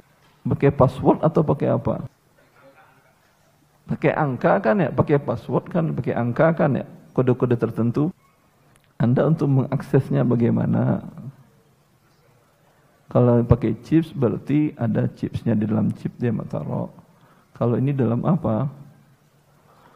Password. Iya, saya yang maksud saya, Anda ganti uang Anda dengan password. Lupa Anda passwordnya hilang uang Anda atau tidak? Hah? Bisa nggak Anda klaim ke perusahaannya? Enggak kan ya? Kan dia bilang Anda sudah tukar. Sudah tukar uang Anda, berarti uang Anda hilang seperti uang Anda jatuh dalam dompet jatuh. Bisa Anda klaim ke pihak perusahaan baru terima gaji satu juta, ya, kemudian jatuh di jalan. Anda klaim lagi ke pihak yang gaji Anda, uang saya jatuh, hilang, enggak akan ya? Kata mereka begitu. Lupa Anda ya berarti sudah hilang. Dan itu yang terjadi pada cryptocurrency di Kanada, di, Kanada, di mana? Kanada yang baru-barusan ini. 2 triliun uang orang menguap karena yang pemegang passwordnya mati. Hah? Uang orang hilang. Kan kalian sudah tukar uang ke saya. Padahal uangnya tentu ada fisiknya sama dia. Ya atau tidak? Tapi dianggap sudah tukar menukar. Berarti kan uang kalian hilang. Karena seperti itu. Walhasil kalau tidak darurat jangan. Anda, anda hanya ingin mengharapkan uh, tukar menukar kemudian dapat tambahan cashback, dapat voucher. Ini berarti tukar menukarnya tidak sama jumlahnya. Iya atau tidak? Anda tukar menukar tidak sama jumlahnya. Anda tukar sejuta, dia taruh sejuta. Tapi betulkah sejuta? Tidak, karena dia berikan cashback, berikan diskon dan segala macam. Berarti berlebih atau tidak? Berlebih, tukar menukar uang yang sejenis dengan berlebih, apa namanya? Riba namanya. Allah taala. Dan kemudian juga jangan Anda pikir ini kemajuan. Ingat, setiap kemajuan itu berefek suatu hal yang luar biasa yang orang terkadang tidak berpikir bagus. Setiap kemajuan efeknya luar biasa. Ini seperti yang saya katakan tadi, orang menukar uangnya dengan sesuatu yang tidak jelas. Bahkan jangankan itu, orang dahulu dari masa Nabi Adam, itu mereka menggunakan uang fisik emas perak. Itu dia yang uang. Uang kartal yang kita pegang dan dipegang oleh negara lain, itu tidak ada kepastian jadi uang selamanya. Andailah qadar Allah, semoga tidak terjadi tutup Indonesia. Diumumkan Indonesia tutup. Di tangan Anda ada 10 miliar uang fisik rupiah. Ada gunanya itu? Ada bikin layangan. Tempel-tempel, tempel-tempel bikin layangan. Kalau belanja nggak ada yang mau terima. Tapi kalau Anda pegang emas 10 kilo, kebanyakan layak berat angkatnya. Sekilo, Anda pegang emas kilo, tutup Indonesia. Emas kilo Anda bernilai atau tidak? Turun atau naik? Tetap. Emas naik ke mana? Kakinya nggak ada, sayapnya nggak ada, tuh. Tetap nilai tukarnya itu tetap. 14 abad berlalu Rasulullah SAW memberikan satu dinar kepada Urwah bin Al-Jad Al-Bariki 4,25 gram emas 22 karat untuk membeli seekor kambing dapat kambing sekarang 14 abad anda dengan satu dinar 4,25 gram berapa rupiah? 3 juta dapat kambing satu. Paham? Tahun 70 Anda punya uang 1 juta. Dapat apa? Dapat motor 2, 3, motor baru. Hah? Dapat motor baru 3, 1 juta. Dapatkan ya? Dapat, tayyib. Sekarang punya uang Anda satu juta. Dapat satu ban motor. Eh, dapat ban dalamnya. Subhanallah. Ya, itu dia uang yang ada sekarang. Ya, itu aja dengan risiko tinggi sudah. Apalagi sekarang uang kartal dipindahkan lagi kepada bentuknya virtual. Ya makin besar risikonya bagi Anda. Maka lihat kaum muslimin di daerah-daerah daerah-daerah para-para kaum petani, kaum buruh, kaum petani di daerah tersebut, mereka nyimpan emas atau rupiah yang mereka nyimpan.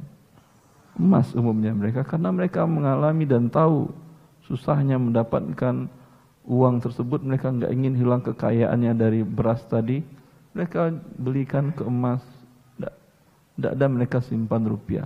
Karena seperti tadi mereka merasakan. Ya. Allah Ustaz, saya mau bertanya, saya penjual buku, supplier. Saya menggunakan sistem PO. Invoice saya dapatkan dari supplier setelah masa PO selesai. apabila ada customer saya yang ingin membayar bukunya yang dibeli dari saya padahal saya belum mendapat invoice dan belum membayar buku yang saya pesan apakah uang dari customer saya itu haram atau halal bagaimana solusinya untuk penjual seperti saya yang menjual buku sistem PO Hakim bin Hizam seorang pedagang dia bertanya kepada Rasulullah sallallahu alaihi wasallam, "Ya Rasulullah, inni abi wa syari fa madza hillu al-yawma yahrumu alayya?" Wahai Rasulullah, aku adalah seorang pedagang, aku beli barang, aku jual. Jelaskan apa yang halal, apa yang haram. Maka Rasulullah mengatakan, "Ya bena akhi, la tabi' ma laysa indak."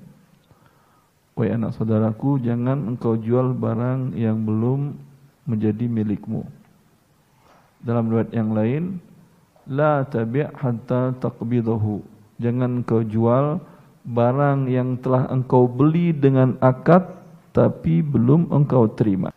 Berarti syarat boleh menjualkan barang sebagai pedagang Anda adalah pertama beli dengan akad.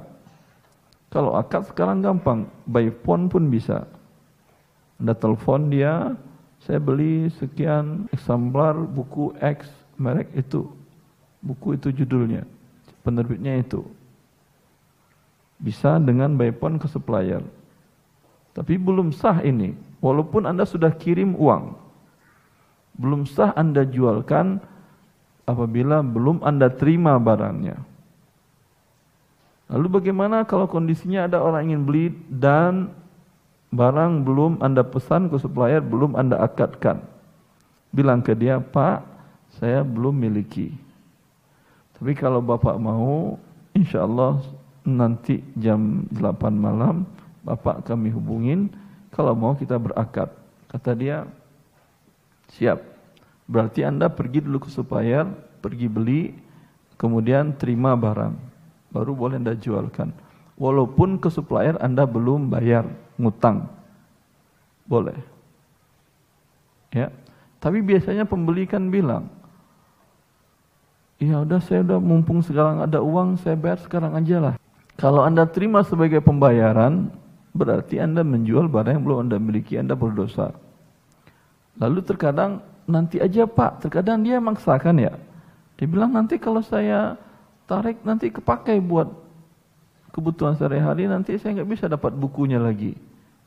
Ya, boleh anda terima uang tetapi sebagai statusnya titipan. Ya, kalau titipan berarti uang ini belum boleh anda gunakan atau anda putar. Atau boleh akadnya kot pinjam. Kalau pinjam boleh anda putar. Yang penting anda akadkan dengan dia. Boleh pak, tapi saya pegang, saya titip dulu di saya. Boleh nggak apa-apa tapi belum jual beli. Nanti kalau Bapak sejam setelah ini ataupun setelah buku datang Bapak seketika saya konfirmasi enggak jadi beli, uang Bapak saya serahkan. Ya, itu solusinya. Sangat jelas baik offline maupun online. Pak Ustaz, bagaimana hukum MLM syariah? Wallahu alam. Menurut saya tidak mungkin MLM itu disyariahkan. Kalau dia disyariahkan gak jadi MLM lagi dia. Ya, kalau datanya Ustaz, bagaimana kalau iblis syariah Ustaz? Tidak mungkin iblis disyariahkan. Ada yang mungkin, ada yang tidak. Atau bagaimana Ustaz, bagaimana kalau babi itu disucikan bagaimana caranya? Tidak mungkin karena dia zatnya yang adalah najis. Wallah ta'ala. Ustaz mohon jelaskan tentang gadai. Dahulu Rasulullah SAW pernah menggadaikan baju baju rahannya. Ha? Apakah setelah beliau wafat ditebus anaknya atau bagaimana? Eh. Gadai dalam syariat boleh. Ya. Untuk akad baik pinjam meminjam maupun akad membeli barang dengan tidak tunai. Rasulullah yang melakukan akad gadai baju besi tersebut, beliau membeli makanan pokok untuk keluarganya dengan cara tidak tunai dan beliau gadaikan baju besinya sampai beliau wafat beliau belum bayar tetapi harga baju besi jauh lebih mahal dari makanan pokok tersebut. Tentulah si Yahudi akan menjualkannya dan mengambil haknya. Ya. Lalu bagaimana masalah penggunaan barang gadai? Bolehkah dipakai jika ini berupa rumah dan mobil? Kalau Anda pakai boleh dengan syarat berkurang hutangnya sebesar harga sewa itu. Kalau tidak terjadi riba, ya. Pamannya dia meminjamkan uang 100 juta dan digadaikannya mobil. Dia mengizinkan, yang minjam tadi mengizinkan, pakai aja mobil, pakai aja kebutuhan kamu mana pakai saya ikhlas saya redho. Ya. Kalau dia tidak memotong biaya sewa mobil selama hutang dikembalikan berarti hutang dikembalikan bukan 100 juta lagi. Ketika dia menggalikan hutang 100 juta dan mobil diambilnya selama ini anggap ada waktu 5 bulan 6 bulan mobil dipakai Kijang. Kijang 2018 berapa sewa per bulannya Hah? 4 juta sebulan. Kali 6 bulan. 24 juta kan ya? Berarti yang dikembalikannya bukan 100 juta tapi 124 juta dan 24 juta itu adalah ribanya kalau Anda ingin pakai tadi, boleh Anda ingin pakai dengan akad sewa. Berarti ketika dia bayar 100 juta, Anda katakan, yang 100 juta saya terima, 24 juta bayar sewanya. Saya ikhlas, saya ikhlas, kata dia. Kau ikhlas, saya masuk neraka. saya tidak mau. Ya, Kalau kamu ikhlas, ya sedekahkanlah ke orang lain. Kalau saya, saya tidak mau. Udah. 24 juta tadi. Cukup, ayah. Ya. Karena cukup ini tanggung jawab antum. Semoga bermanfaat. Subhanakallah bihamdika asyhadu an la ilaha illa anta astaghfiruka wa atubu Assalamualaikum warahmatullahi